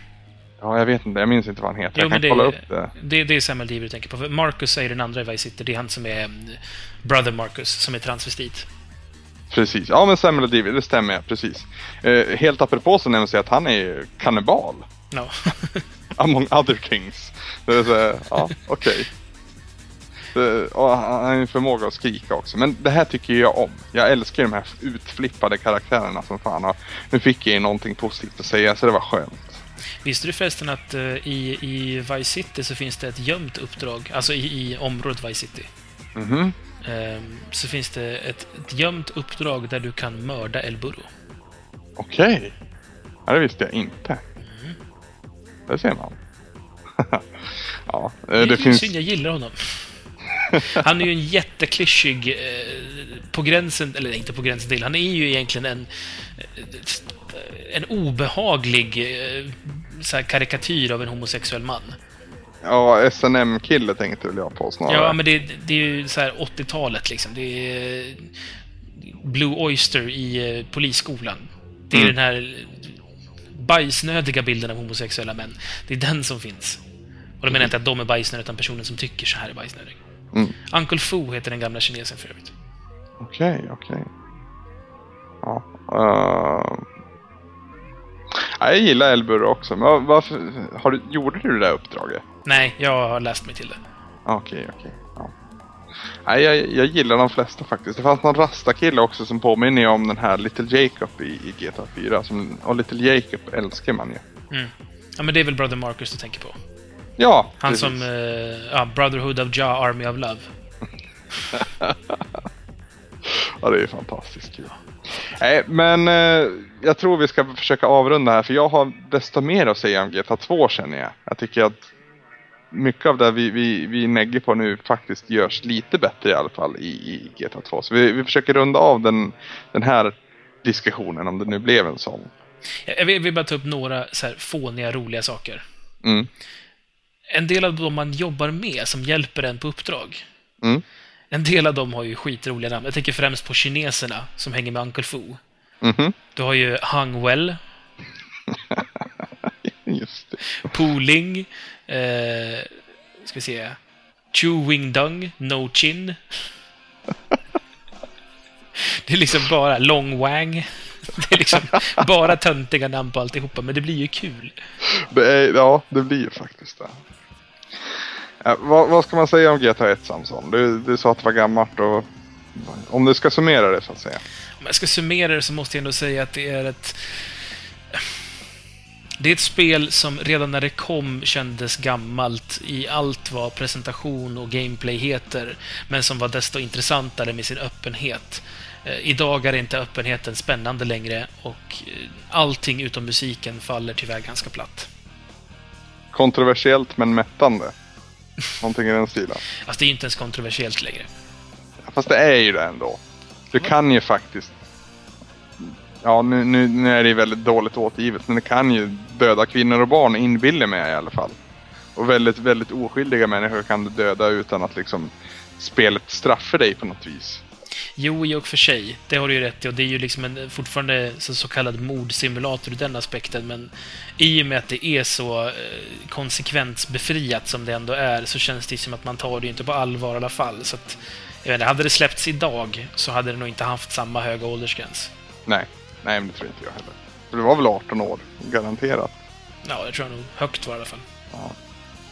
Ja, men eh, då vill jag höra vad du sätter för pizza på det här då. Mm, det är ganska så enkelt. Det är en eh, amerikansk familjepanpizza. Okej. Och det är en jättestor margarita. det är gott med pizzadeg och det är gott med liksom tomatsås och det är gott med ost, men när det bara finns det så blir man trött rätt snabbt. Och det är en stor jävla pizza att ta sig igenom. Så att, eh, proppmätt, men inte ett dugg nöjd. Okej, okej. Det var, det det var kort och koncist. Mm.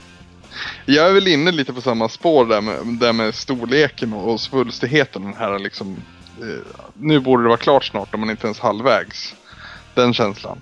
Eh, på min pizza så finns det ju dock den här ingrediensen som vi, som vi eh, pratar om. Vi, vi säger också att det här är en familjepizza. Vi, vi, vi, det är inte en amerikansk familjepizza utan det är en stor familjepizza som du köper från ett nytt pizzahak med massa unga killar som liksom du har hört ska vara, ja men alltså den nya snackisen, om man nu snackar om pizza i, i,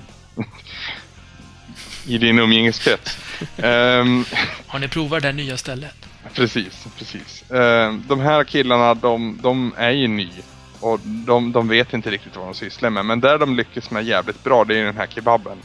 Som, som, det är det som får folk, det är därför det snackas om dem. Eh, problemet med den här pizzan då, det är att dels är den alldeles för stor för att du ska liksom kunna mäkta dig i den. Eh, och sen är det ju bara kebaben som är det, det njutbara på den här pizzan så att säga. Det andra smakar ju liksom som mikropizza ungefär. Det, det är liksom utan någon egentlig touch. Eh, och det känns som att det mest finns där för att lyfta upp den här kebaben så att den ska ha en, en plattform att stå på så att säga. Eh, det slutar med att du sitter och petar ut den här kebaben och, och bara käkar den. Och sen har en, en stor klump av deg och, och sås och en billig jävla ost eh, någonstans. Som du, du helt enkelt får slänga. Så det, ja, kebaben var bra men sen fick det vara bra. Och då, då bryter vi in med lite musik Samson och eh, den här veckan är det en lyssnare som bidrar med ett tips. Och det är ingen annan än eh, Niddelicious själv, Nidde från Göteborg, som inte heter Nidde från Göteborg längre. Eh, på Twitter i alla fall. Men han är ju fortfarande från Göteborg, han kallar sig fortfarande Nidde.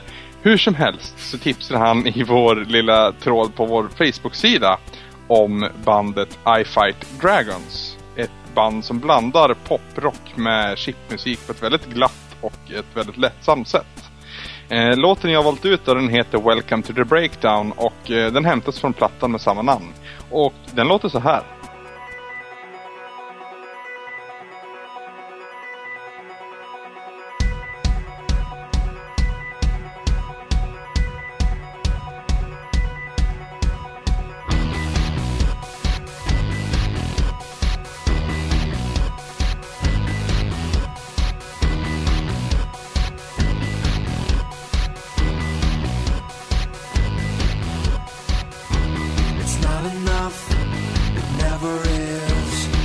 Myself I can't take this. Tomorrow comes, I'm back in, playing dumb and waiting for something I could never find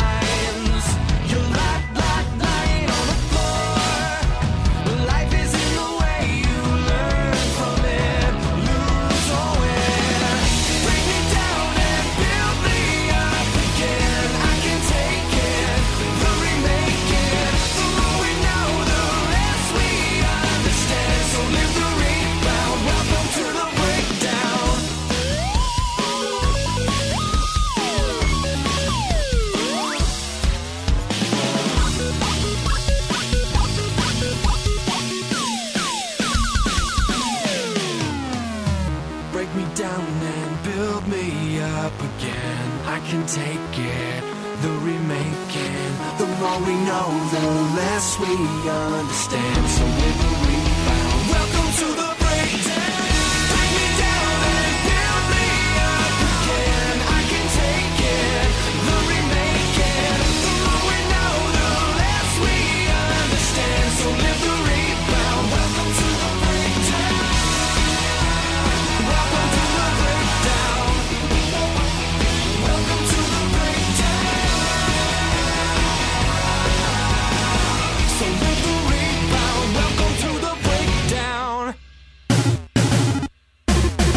Och då Samson så fortsätter vi på det här äh, öppna sandlådespelsmaratonet som det har blivit fast vi bara spelat två spel. Men de var ju så jävla långa.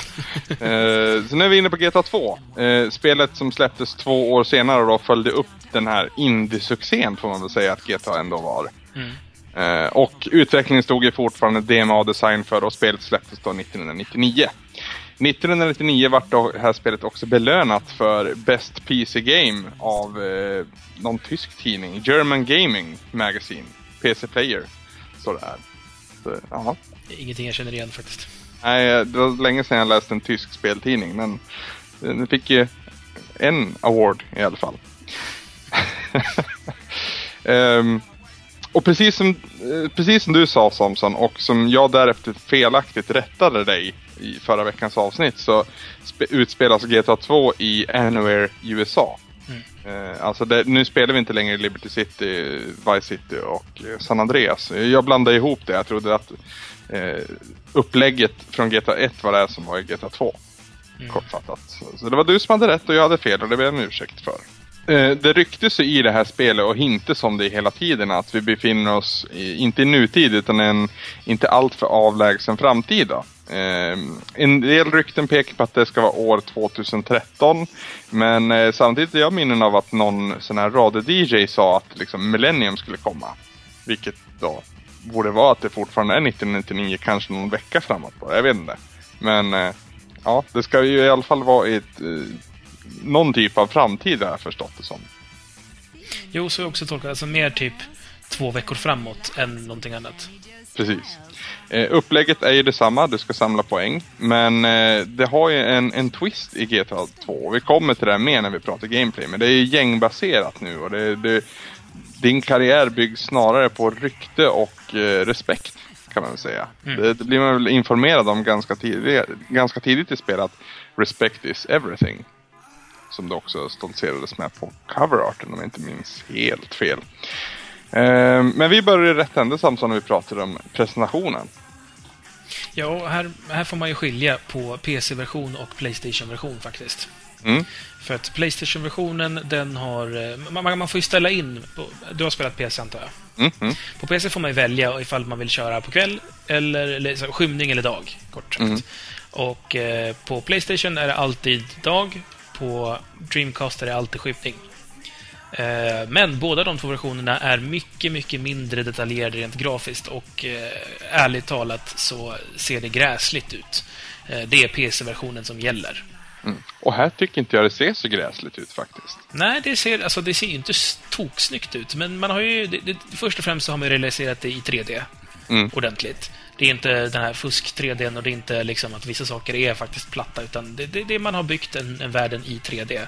Inte detalj, superdetaljerat, men det är ändå gjort så. Och det, det känns i, i byggnader, i bilar, i uppförsbackar, i allt det här så känns det plötsligt mycket mer rätt. Och sen så har man ju då framförallt alla de här ljuseffekterna av explosioner och eh, lampor som blinkar och allt vad det är. Liksom, ljusen framför bilen. Det, det, man har liksom eh, fått mycket mer att jobba med, känns Mm.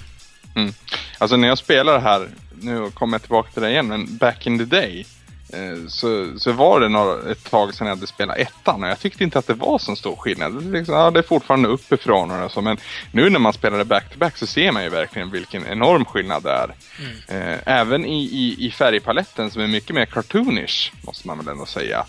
Det är Ja. liksom en, en, en mjukare och lenare färgpalett. Förr var det den här eh, griniga och liksom skitiga och bleka eh, färgpaletten som dock blev bättre när det kom till nya städer. då. Men här är det liksom från början, framförallt när det spelade under Dusk som jag gjorde. Mm, gjorde jag hela- också. Det är snyggt Ja, alltså. snygga så, absolut. Eh, det, det ser alltså riktigt ballt ut. Jo, alltså, men jag tycker att med ettan så hade man ju det att alla bilar var ju pastellfärgade för att synas tydligt mot den här grå asfalten. Mm. Men det behövs liksom inte på samma sätt för att i och med att man faktiskt har såna effekter som skugga under bilen och sånt där så, så syns de ändå. Så man kan liksom ha gråa bilar och så här eh, ljusblåa bilar istället för liksom pastellblåa. Mm. Och det, det gör faktiskt det gör mycket för känslan i spelet att det inte är liksom leksaksfigurskänsla på allting. Nej, Och sen så har man tagit sig runt det här ja, brädspelssyndromet som jag pratade om sist. Ja, och så kommer det något, eller rätt så mycket närmare karaktären i fråga också. Det känns lite mer inzoomat och det, det, är beroende på vart du är i, i höjd. Kan man säga så? Jo, alltså, även, även ettan så zoomar den ju in mycket. Det, vi glömde prata om kameran i ettan, men den kan ju bajsa på sig rätt så hårt. Ja, Eh, Men, men den går ju närmre när du rör dig sakta och den backar ut när du kör snabbt för att du ska kunna se mer framför dig. Men här tycker jag att man utnyttjar det mycket smidigare. Mm. Eh, det- känns... eh, Jag, jag skriker inte jävla fittkamera lika ofta när jag spelar det här som när jag spelar ettan. inte jag heller faktiskt. Ehm, även här så är ju också musiken jävligt bra, måste jag säga. Eh, det är mer reklam dock. Det är jävligt mycket mer reklam. Mm. än vad det var i ettan. Och det, det, är, det, är, det är kul reklam. Det är skitrolig reklam. Framförallt när, när det är så här. det här är alltså 99 och jag vet inte när Viagra-pillerna kom. Men det är väl någonstans där. Nu kanske jag är helt ute och cyklar, men 2001, 2002? Det blev ett 2000-fenomen. Nej, det kom säkert 99. Jag ska inte förvåna Gjorde det det? Okej, men då gör de alltså en parodi på Viagra-pillerna när man ska injicera sin pitt sex gånger om dagen för att den alltid ska stå upp. jag, jag, jag tyckte det var skitkul. Jag, jag, jag tyckte också det var skitkul för att jag trodde att det var innan faktiskt Viagra hade upp, liksom, kom ut på marknaden. Men det är ju fortfarande kul. Och det, är- det, det är många sådana där grejer. Eh, men när man hade suttit och lyssnat på sån god musik då i ettan och så får man bara höra en låt och sen är det en massa snack. Och oftast så, i och med att du spelar samtidigt så blir du avbruten. Eh, gång på gång på gång för att du måste gå in eller ut en bil eller byta bil eller liksom gå ut och skjuta någon. Så ja, jag är inte lika supernöjd med soundtracket i GTA 2. Lyckligtvis så finns det ju andra eh, kvaliteter här istället. Jag måste ändå säga att jag tycker att alltså, Rockstar Radio, eh, där man har telefonsamtal från lyssnare. Fy fan vad jag har garvat åt dem. Och det, det kan ju också råda er då, som, inte, som, som är så fjantiga så att ni vägrar spela sådana här spel. Att försök få tag på de här ljudfilerna i alla fall och lyssna på det. För det, det är ju humor på hög nivå. Ja. Måste man ändå säga. Det, det, det funkar ju jävligt bra i och med att det liksom, du befinner dig i den här staden, den här fiktionella staden. Men jag tror det även funkar även om du inte har spelat spelet i fråga. Det är bara en, en riktigt jävla galen stad som är... Vad var det vi pratade om under lyssnarbreven? Det är... Eh, jag skulle nog säga placera det farligt nära verkligheten samtidigt. Pratar om Uncanny Valley-grejen igen. Ja, exakt. Fast på, på ett bra sätt den här gången. Det, det är så obehagligt och så är det en känga åt allting kommersiellt. Jo, alltså jag tycker att de har mycket mer hittat det formspråket. Att, men du har ju Heavenly Radio återigen, för att, om vi fortsätter prata om radiostationer, med den här Hare Krishna-stationen. Mm. Som hela tiden liksom är på det med att du ska konvertera och bara spela då Jesus-pop. så att säga. Och det, Hare Krishna, Hare Krishna är för övrigt också ett av gängen du kan arbeta för. Jo, och det är bara det i sig är ju också liksom kul att man sätter dem som ett kriminellt gäng som liksom går att jämföra med Yakuza. Eh, Men du har ju, du har ju alltså... Gängen här känns ju roligare också med alltså Yakuza, Saibatsu, eh, Loonies, de galna från mentalsjukhuset. de är ju för sköna liksom. Eh, Redneck-gänget, Krishna då som sagt, den ryska maffian är väl den som känns mest allvarlig tillsammans med Yakutsan kanske. Mm. Men Yakutsan har ju... Det finns ändå... Det är humor någonstans där. Den är inte alltid tydlig men den, man sitter liksom och småfnisser fast det egentligen inte står någonting roligt på skärmen. Jo, Jag vet men- inte vad det är med det men... Men man driver ju på något vis också med, alltså dels driver man med Japan, sen så driver man ju med bilden av Japan. Bara det att alltså, på radiostationen, så, den här kvinnliga radioprataren som bara skriker en massa frana, liksom, fan, ja, irriterande saker på japanska. Eller på låtsas japanska. Hon kallar sig själv för teriyaki-chan. Som såsen teriyaki liksom. Ja, det är så kul.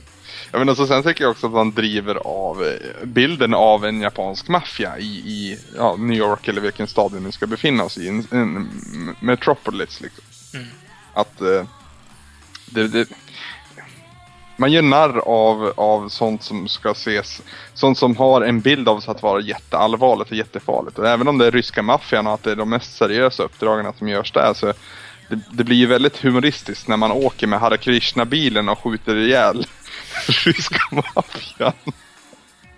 Det, det, det är kul. Det, det är faktiskt jäkligt kul i det här spelet. Det, precis, jag är helt inne på ditt spår att man har hittat någonstans sin grej i tvåan. Man har tagit liksom idéerna från ettan och placerat dem på ett sätt så att vi förstår vad de menar i tvåan.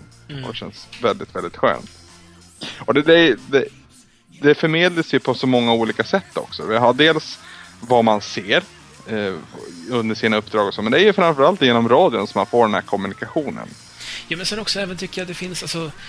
i- Jag minns ett, ett uppdrag där man ska plocka upp Hare Krishna-människor och köra dem för att de ska göras till korv. Jag menar, bara det i sin tur är ju en känga liksom, mot snabbmats... Liksom, eh, cynismen som finns i snabbmatsrestaurangerna. Liksom, under det här glada, leende clown-maskoten liksom, så är det i det här fallet extremt att det faktiskt är människokött det rör sig om. Men jag tycker att man har liksom... Det, det, är en känga åt alla håll och det är ju en barnslig känga. Det är ju det är en 14-åring som pekar finger snarare än liksom en sofistikerad Jonathan Swift. Men, men det finns ju ändå ett mycket tydligare statement här. Och det är ingen som går säker. Det är nästan South Park, fast inte lika smart. Det är South Park. Det är en jättebra jämförelse tycker jag. South Park har ju blivit smart, men tänk South Park på vägen till att bli smart. Ja, det är typ säsong ett kanske. Nej, men jag tycker säsong 1-3 där är det fortfarande att de försöker hitta sitt språk också lite grann. Men säg South Park med säsong 4 eller säsong 5. där någonstans skulle jag säga att GTA 2 ligger också. För, för övrigt, i ettan så finns det en plats som heter South Park. Det tyckte jag var kul. Ja, det noterar aldrig jag. Det är Ja, ju skitkul. Några av dina första uppdrag eh, tar du i en telefon i området South Park. Okej. Ja, det är häftigt. Ja, eh, gameplay och kontroll. Då kan vi väl först prata om de här gängen då. Eh, och som hela gameplayet kretsar kring nu. Du ska ju fortfarande klättra in någon typ av kriminell stege. Här så har du ju olika gäng och baserat på hur du väljer. Om du säger att du börjar jobba åt Saibatsu så kommer de andra gängen att börja ogilla dig och när du befinner dig i deras område så kommer de att agera fientligt mot dig. Eh, samtidigt är det väldigt enkelt. Det är väldigt enkelt att bli en kappvändare här för att casha in så mycket som det bara går. För det, det krävs inte mycket för att vända liksom skalan åt något annat håll. För alla de här gängen har sina arch rivals så att säga, sina ärkefiender som, som de eh, bara vill döda. Och gör du det där åt dem så, så vinner du snabbt deras, eh, vad säger man? Respekt. Ja, ja, respekt. Det var, det var någonting med tro som, som jag var ute efter. Men vi säger respekt. Det är jättebra namn, namnord. Så, ja. Saibatsu var vi inne på. Vi hade Lunis, vi hade Yakuza, vi har SRS, Scientists. Mm. Eh, som har den här gyllene skölden då. Och vi har Rednecks, skitroliga uppdrag där också. Och skitrolig tolkning på Redneck. Så det, det är en känga åt allt möjligt men det känns ju ändå som en det, det har ju varit en, en ännu mer röda tråden i senare delar, men en känga mot det moderna USA. Och den liksom uppkördheten som det här landet representerar och framförallt tror om sig själv. Eh, förutom det så har vi också Ryska maffian och Hare Krishna då.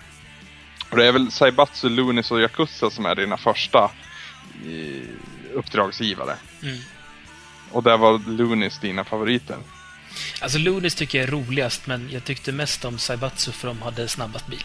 Ja, Eller bil. bil också. Med det gula Z på toppen också. Exakt, exakt. De var tydliga att se. När man såg den så ville man ha en på en gång om man inte redan hade den. De gick fort och de fan, faktiskt uh, hanterades som eh, något mer kontrollerat. Vi, vi går in på bilkörning lite också då. Eh, som fortfarande en stor del av spelet går ut på. Du, du behöver frakta dig från punkt A till punkt B till punkt C till punkt X. Eh, även här. Och det här, det här juckproblemet som jag beskrev när vi pratade om GTA 1, det, det, det återfinns även här. Men eh, det går på något sätt lite smidigare. Du får inte den här flippereffekten som man ofta får i GTA 1, på samma sätt i alla fall. Det, det uppstår ju väldigt konstiga situationer lite här och där. Och, mm, ibland, eller rätt ofta, så svär man. Men ändå, det känns, det känns bättre. Jo, alltså jag är med i det där. Eh, Samtidigt så tycker jag att det fortfarande inte känns bra. Nej, det, Det- det kan jag väl hålla med om. Det är väldigt långt ifrån. Så det. Det som har blivit bättre egentligen, det är väl att kameran har blivit bättre på att ge dig en bättre överblick, så att du ser mer var du är på väg. För det som händer i ettan är ju att du allt som oftast krockar något som du inte hinner reagera på. Mm. Eller att du inte förstår att det där är någonting som du kan krocka i. Det händer också ibland. Precis. Eh, Men tvåan tycker jag är bättre. Jag tror att det har att göra med att man har en bättre realiserad 3D-grafik. Ja, det, sen så zoomer kameran, alltså de, försökte väl med det redan i ettan, men ju fortare du kör desto längre, ska desto längre bort ska ju kameran finnas för att din reaktions... Ja, din reaktionstid ska vara liksom jämförbar med där du hinner, ja. Mm. Ni, ni förstår vad jag menar. Jag, jag tycker att de lyckas väldigt mycket bättre här eh, med den biten. Sen så som sagt, kontrollen är fortfarande bökig. Det, det, det känns inte bra att köra ändå, även om det känns bättre. Mm. Eh, och om vi pratar om den andra delen av det, det vill säga skjutandet, så är den precis lika dålig som innan, tycker jag. Tycker du det? Ja, jag trivs inte alls med hur jag skjuter i det här spelet. Okej. Nej, alltså det, det, det känns ju likadant. Dock känns det som att man har insett att det var så pass svårt som det faktiskt är i GTA 1 och därav gett en, en hel del perks. Det är mycket enklare att få tag i skyddsvästar och extra liv och ballare vapen och, och liksom pansarvagnar i vissa fall. Liksom, ehm, för att ge dig en edge och för att liksom, och sen känns inte uppdragen lika mycket gå till den här killen och döda han och så står han och väntar på dig och börjar skjuta på, på dig så fort du ser han. Utan de, de känns lite mer variationsrika ändå. Så att det blir inte det här att du bara ska gå och döda en kille och så kan du inte göra det för att kontrollen inte tillåter det. Eller för att du inte hinner anpassa dig efter den usla kontrollen. Så någonstans så känns det bättre i GTA 2. Jag tycker det också det är en bättre variation på vapnen. För i ettan så hade du ju liksom pistol, och Uzi och eldkastare och rocket launcher och allt vad det var. Men de kändes aldrig riktigt rätt. Nej. Eh, Och jag tycker att de känns bättre åtminstone i tvåan. Och Bara det faktum att man kan ha två pistoler och inte bara en. Precis. Eh, och shotgunen är ju underbar eh, ändå, tycker jag. Mm. Det, jag gillar alltid shotguns. Det är liksom min favorit i de flesta spel. I trånga utrymmen i det här spelet så är det ju överlägset bäst alltså. Ja. Sen så gillar jag att man kan faktiskt stoppa i saker i bilen på ett annat sätt. Alltså du Ja. har liksom minor och du har oljegrejer. Du kan, alltså det känns lite Mario Kart på något vis. Faktiskt. Ja, men det, det ger ju det också en edge. Framförallt... Eh, det, det finns ju ingen svårighetsgrad du kan välja här, utan spelet är lika svårt för alla. Och så är det ju i, i nästkommande delar också. Folk har gnällt sin helvete på att det är så svårt i, i GTA San Andreas till exempel. Men jag vet vi pratade om det här när vi pratade om San Andreas i min topp 100-lista. Och hur jag brukade göra. Jag brukar liksom göra uppdraget en gång. Klarar jag det inte så försöker jag ge mig så många eh, så mycket edge som jag bara kan genom att utrusta, liksom ha en bra bil, ha mycket vapen och mycket skyddsväst och allting sånt så att jag tar mig igenom det. Och tar jag mig igenom det utan att ta skada, fine, då har jag det till nästa uppdrag och så. Och så, så. Här så kan man ju också göra det, man kan liksom preppa sig själv inför uppdrag genom att utrusta bilen med saker du kan eh, skaffa skyddsväst och sånt va. Mm. Så det, det, det finns, det är mer förlåtande ändå på något vis. Medan det mest känns slumpartat i GTA 1. Det, det är mycket slump i GTA 2 också, förstå mig rätt. Men du har mer kontroll över tärningskastet. Kan man säga så? ja, Anders, man kan säga så. Det hängde ett i luften, jag var bara tvungen. Ja, nej, men jag, jag är väl med dig på det också. Det, det, det känns mer genomarbetat på något vis. Alltså det, det, det funkar liksom bara bättre av någon jävla anledning.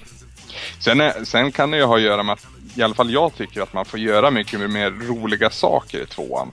Det, alltså det här korvuppdraget är ju hur absurt och liksom smaklöst den må vara så det är, det är rätt kul.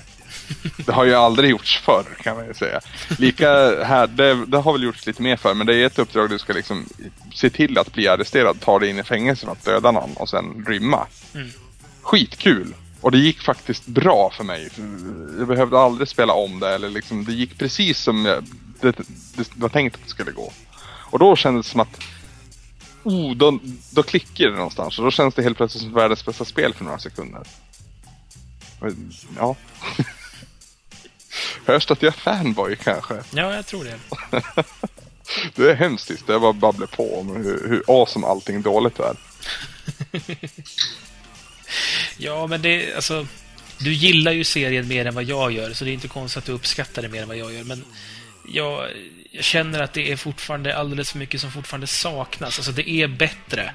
Det är det. Men det är så mycket som inte funkar fortfarande. Och det, det grämer mig att behöva säga det, men jag tycker att man är långt bort ifrån att vara liksom...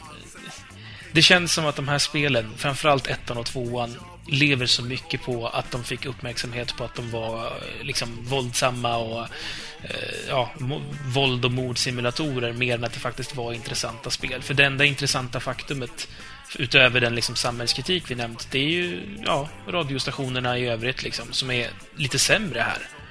För att även om jag tycker att gameplayet har blivit klart förbättrat så är det fortfarande inte särskilt bra. Nej, nej men jag, ibland. nej men jag, jag, jag håller med dig. Jag, jag måste väl vara ärlig och säga också att liksom det känns ju inte, det känns inte klock, det känns ju långt ifrån klockrent. Eh, det jag tänkte på när jag spelade GTA 2, när jag hade kommit in en bit i det här spelet, jag, hade ju mer roligt med det, det, det är ju att jag skulle av, av alla delar i alla tjatar om att de vill se Vice City i en remake. Men jag skulle fan vilja se GTA 2 i en remake. Den här stan och den här gänguppdelningen och verkligen vara trogen. För det känns som att de är mer humoristisk här än vad de någonsin har varit efter det. Ja, det är mer galenhet här. Vice City tycker jag har mer humor också. Ja, kanske. Men... Eh, mm. Just Hare Krishna. Och, eh, jag skulle vilja spela det här. Jag tror det handlar om att jag skulle vilja spela det här spelet där jag har mer kontroll över det jag gör. Kortfattat. Här, här känns det som att, än en gång, jag kastar ju fortfarande en tärning. Även om det kanske bara har sex sidor istället för tolv. Har du för övrigt eh, letat upp, eh, eller har du råkat köra över eh, de här lite udda människorna som finns på gatan? Elvis-gänget. Ja, Elvis has left the building. jag tyckte det var riktigt charmigt faktiskt. Ja, det är nog uppdrag involverat med dem sen också, men det är, det är, så, det är svårare att prata om uppdragen här i och med att man inte behöver göra alla. Nej, I och med att du har de olika, olika gängen då. Eh, och det i sin tur leder ju till att det kan ju klara spelet på olika sätt. För det kan ju göra som jag minns att jag gjorde när jag spelade första gången. Eh, göra några uppdrag och sen när det börjar bli svårt vända kappan efter vinden så att säga. Döda alla du ser, ta närmsta bil, pysa till ett nytt gäng och liksom förtjäna deras förtroende. Vad kände du för övrigt för save-systemet här, att man skulle till kyrkorna? Ja, det kändes ju gammalt. Ja, alltså det, det, det, dels är det ju en gammal gameplay-mekanik, men jag tyckte alltid det var så svårt att... att Det man har att gå på är att man lyssnar efter den här jävla orgeln. Mm. Och sen ska man liksom audiellt leta sig fram till kyrkan. Och det är inte som att grafiken är superrepresentativ. Så att det var många gånger som jag bara, vad fan är du någonstans då? Och köra liksom runt, runt, runt i ett kvarter tills jag till slut liksom, jaha, där måste det vara. Det funkar ju att sno en TV-van. För då är ju alltid antennen vänd mot kyrkan. Precis. Av någon skum anledning. Men, men det är inte alltid man har en sån tillgänglig. Liksom. Och det var flera gånger men jag vill bara spara så jag kan få gå och lägga mig.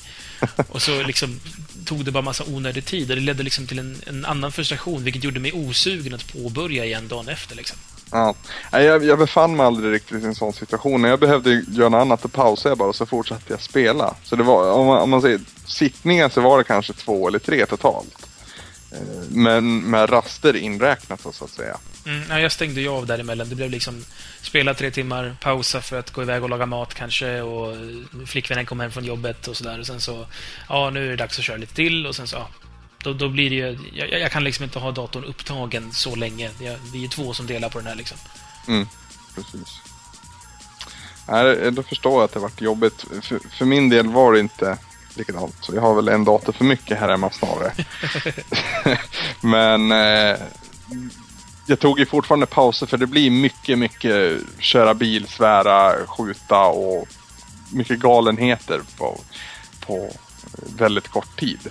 Så man, man, behöv, man behöver pausa ofta. Det är nästan så att man skulle haft den här, den här Wii-skärmen som är i Wii Sports. Alltså, time to take a break? Frågetecken. Ja. Ehm, utmaningen är ju, som jag varit inne på, lite lägre i det här spelet. Mm. Tack och lov. Eh, det handlar ju dels om att man har varit lite snällare. Dina motståndare är inte alltid eh, helt 100% pricksäkra. Dessutom har ju du mer arsenal både i det som skyddar din hälsa och där du kan attackera med. Eh, och så sen då framförallt variationen i uppdragen är ju också att det inte stör dig på samma sätt när du råkar dö. För det här är ju faktiskt inte så mycket som händer när du dör. Det blir av med lite vapen och lite pengar och, och hela den biten. Men det, det är bara att fortsätta spela egentligen. Mm. Så, ja. Vad tyst du är Samson. Du, du säger inte så mycket idag. Jag känner inte att jag har så jättemycket att säga. Alltså jag, jag, eh, jag hade hoppats inför det här att jag skulle liksom hitta någonting, att det skulle klicka någonting som gör att jag förstår varför folk tycker om de här spelen. Eh, Men jag har liksom inte gjort det. Jag, jag, jag känner att jag har trocklat mig igenom två väldigt långa spel. Och det är en alldeles för svag tillfredsställelse därefter. Hmm. Så det... det Du menar att resan inte är allt? i det här fallet, så, eller, resan var sådär och målet var inte värt det. Ja, det var ju tråkigt att du tyckte det. Jag, jag hade väl inga större förhoppningar på att du skulle liksom helt plötsligt fatta grejen. Det var väl snarare en, en vilja för mig att spela igenom det här med dagens ögon. Och eh, jag tycker ju någonstans att GTA 2 ändå står sig för en sån som mig. Som, som, som kan förbise vissa rätt vitala eh, faktorer ibland. Men eh, för jag, det, det jag gillar med alla Rockstar-spel är att befinna mig i den staden som de har skapat och ta del av liksom den här cirkusen som det ändå är att befinna sig i en Rockstar-stad. Jo, alltså jag köper ju det i de modernare spelen. Nu är inte jag lika förtjust i det, men jag, men jag förstår det mer att man kan uppskatta det. Men här upplever jag liksom inte att... Det är inte en stad av känsla. Det är liksom... Det finns en stad som är ganska blaha. Sen är det en, finns det saker i staden som jag tycker är roliga, men jag tycker inte de liksom... de har inte gjort anspråk på staden på samma sätt som jag tycker att de kan ha gjort i de nyare spelen. Det känns ju som en helt normal fungerande stad. Och sen så råkar det finnas så här, det här skojiga kriminella elementet i staden. Och, och i de moderna spelen så tycker jag mycket mer att man känner av påverkan från... Alltså nu, nu finns det ju visserligen att så här, man kan se Saibatsu-loggan hänga på byggnader som de äger liksom, för de är ett corpora, ja, corporation. Mm. Men det känns ändå liksom mer som att det är bara en backdrop. Och jag känner inte att jag liksom, åh, nu är jag i den här staden. Utan det är mer, nu spelar jag och det råkar vara den här staden som bakgrund.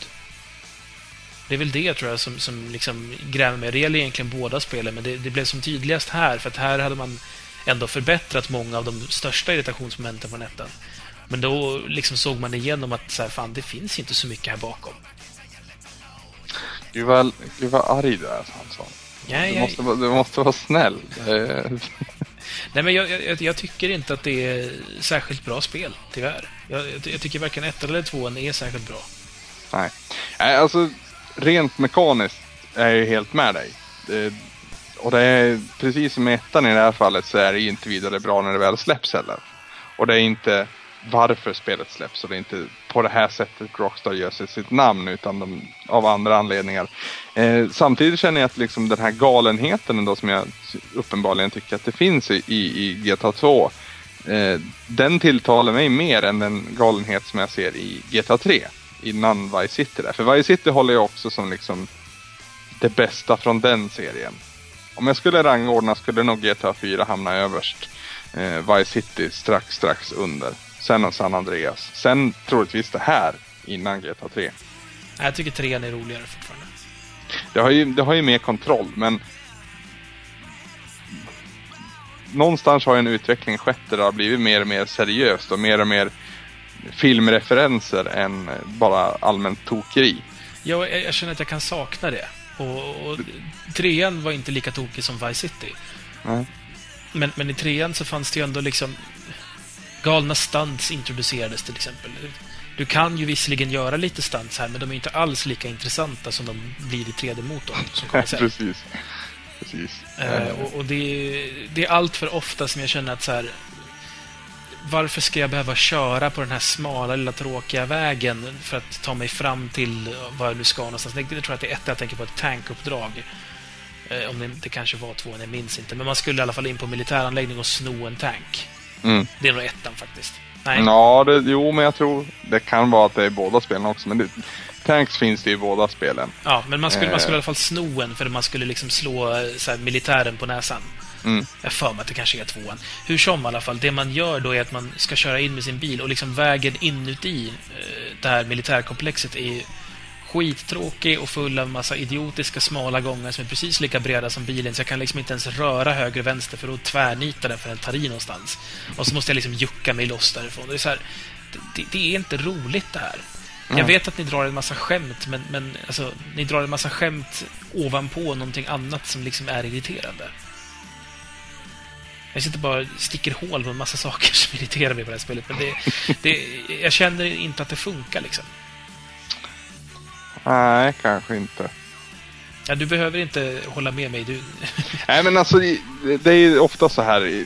Jag, folk har frågat mig om jag ändrar åsikt efter vad du säger och så. Men det är, du, du skänker ju en annan infallsvinkel än den jag ser.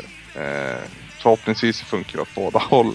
Men vi, att jag håller med dig om en sak betyder inte att min åsikt förändras. Jag har ju fortfarande ett positivt minne från GTA 2. Jag eh, tyckte det var jag tycker det är kul att jag spelar det nu. Långa stunden medan jag spelade så hade jag inte värst kul. Det var ju många sådana här äh, dumma situationer som uppstår för att mekaniken är trasig och gammal. Men eh, summerat och som ett minne snarare än en upplevelse så, så mm, det, jag, jag gillar det fortfarande. Det, det, en remake på GTA 2 skulle göra mig väldigt, väldigt lycklig. Hörru du Anders, ska vi, eh, ska vi gå till pizzan? Ja, eh, det är väl dags för det. Ja. Det, det vart ju lite summerat det här också. Eller jag vet inte vad klockan står på. Det, det känns som att jag bara pratar och pratar och pratar. Eh, Men eh, det kan vi väl göra. Får jag, får jag börja den här gången? Ja, varsågod. D- Den här klicken med pizzaungdomar som inte visste vad de höll på med men hade den här fantastiska kebaben. De har ju blivit bättre. De har tillfört grejer på den här pizzan.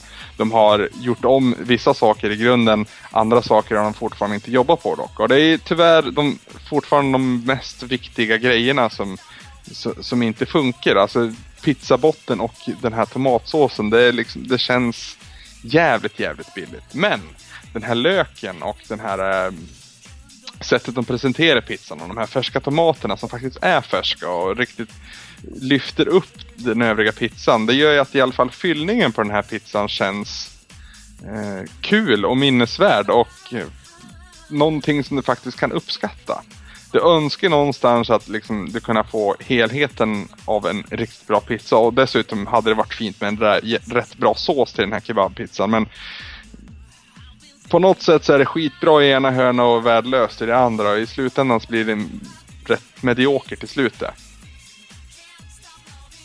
Ja, eh, min pizza är eh, föga förvånande också en eh, familjepizza, också en panpizza. Eh, det är inte däremot eh, den här ganska trista margariten som det var sist med bara liksom, tomat och ost, utan här är det faktiskt eh, tomat, ost och lite skinka på. Så det är, det är lite mer smak den här gången. Däremot så är det sämre kvalitet på degen. Och eh, trots att det då är skinka och, och eh, liksom eh, rätt bra ost och rätt bra tomatsås, så, så den här... Eh, man kan liksom inte dölja det faktum att den här stora tjocka degen och den här eh, liksom tafatta innehållsmängden på, i kombination faktiskt inte håller. Och nu när man dessutom har en sämre deg än tidigare så lyser det igenom att det här i grund och botten är faktiskt inte en särskilt bra pizzeria att gå till.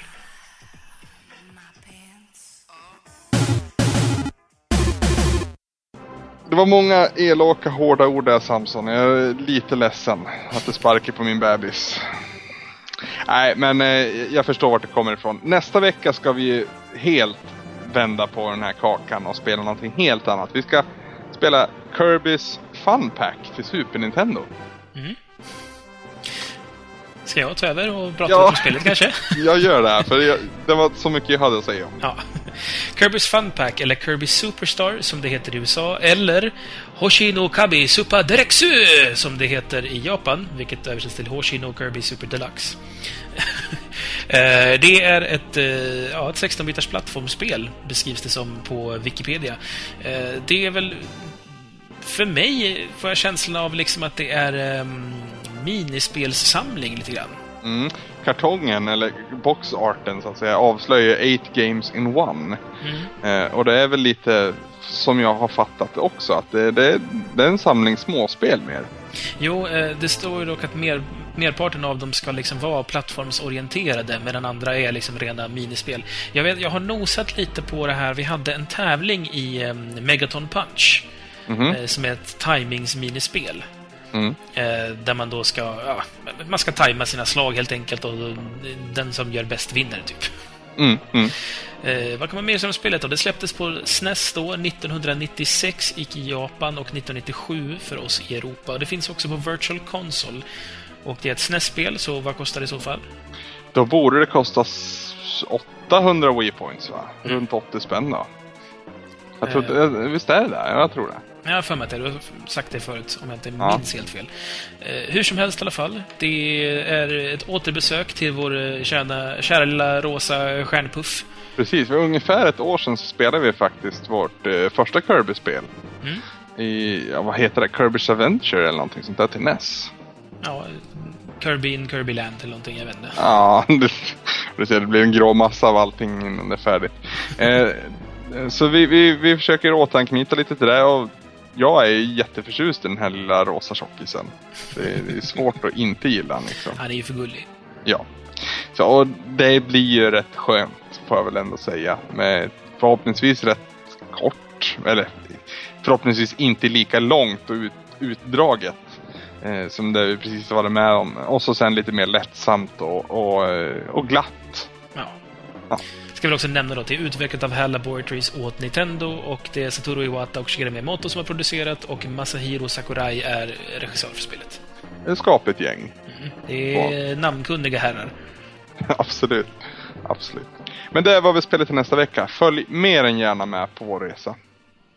Och för att följa med på den hela resan så bör man ju bookmarka, helst ska man ha hemsidan som startsida. Eh, vår kära retroresan.se. Eh, det finns ju också sådana här forumtrådar på eh, tre olika sidor. Eh, där man kan skriva lite rader om vad, vad ni tycker om oss. Och det är alltså på gameplay.se, på loading.se och på skillpoint.se.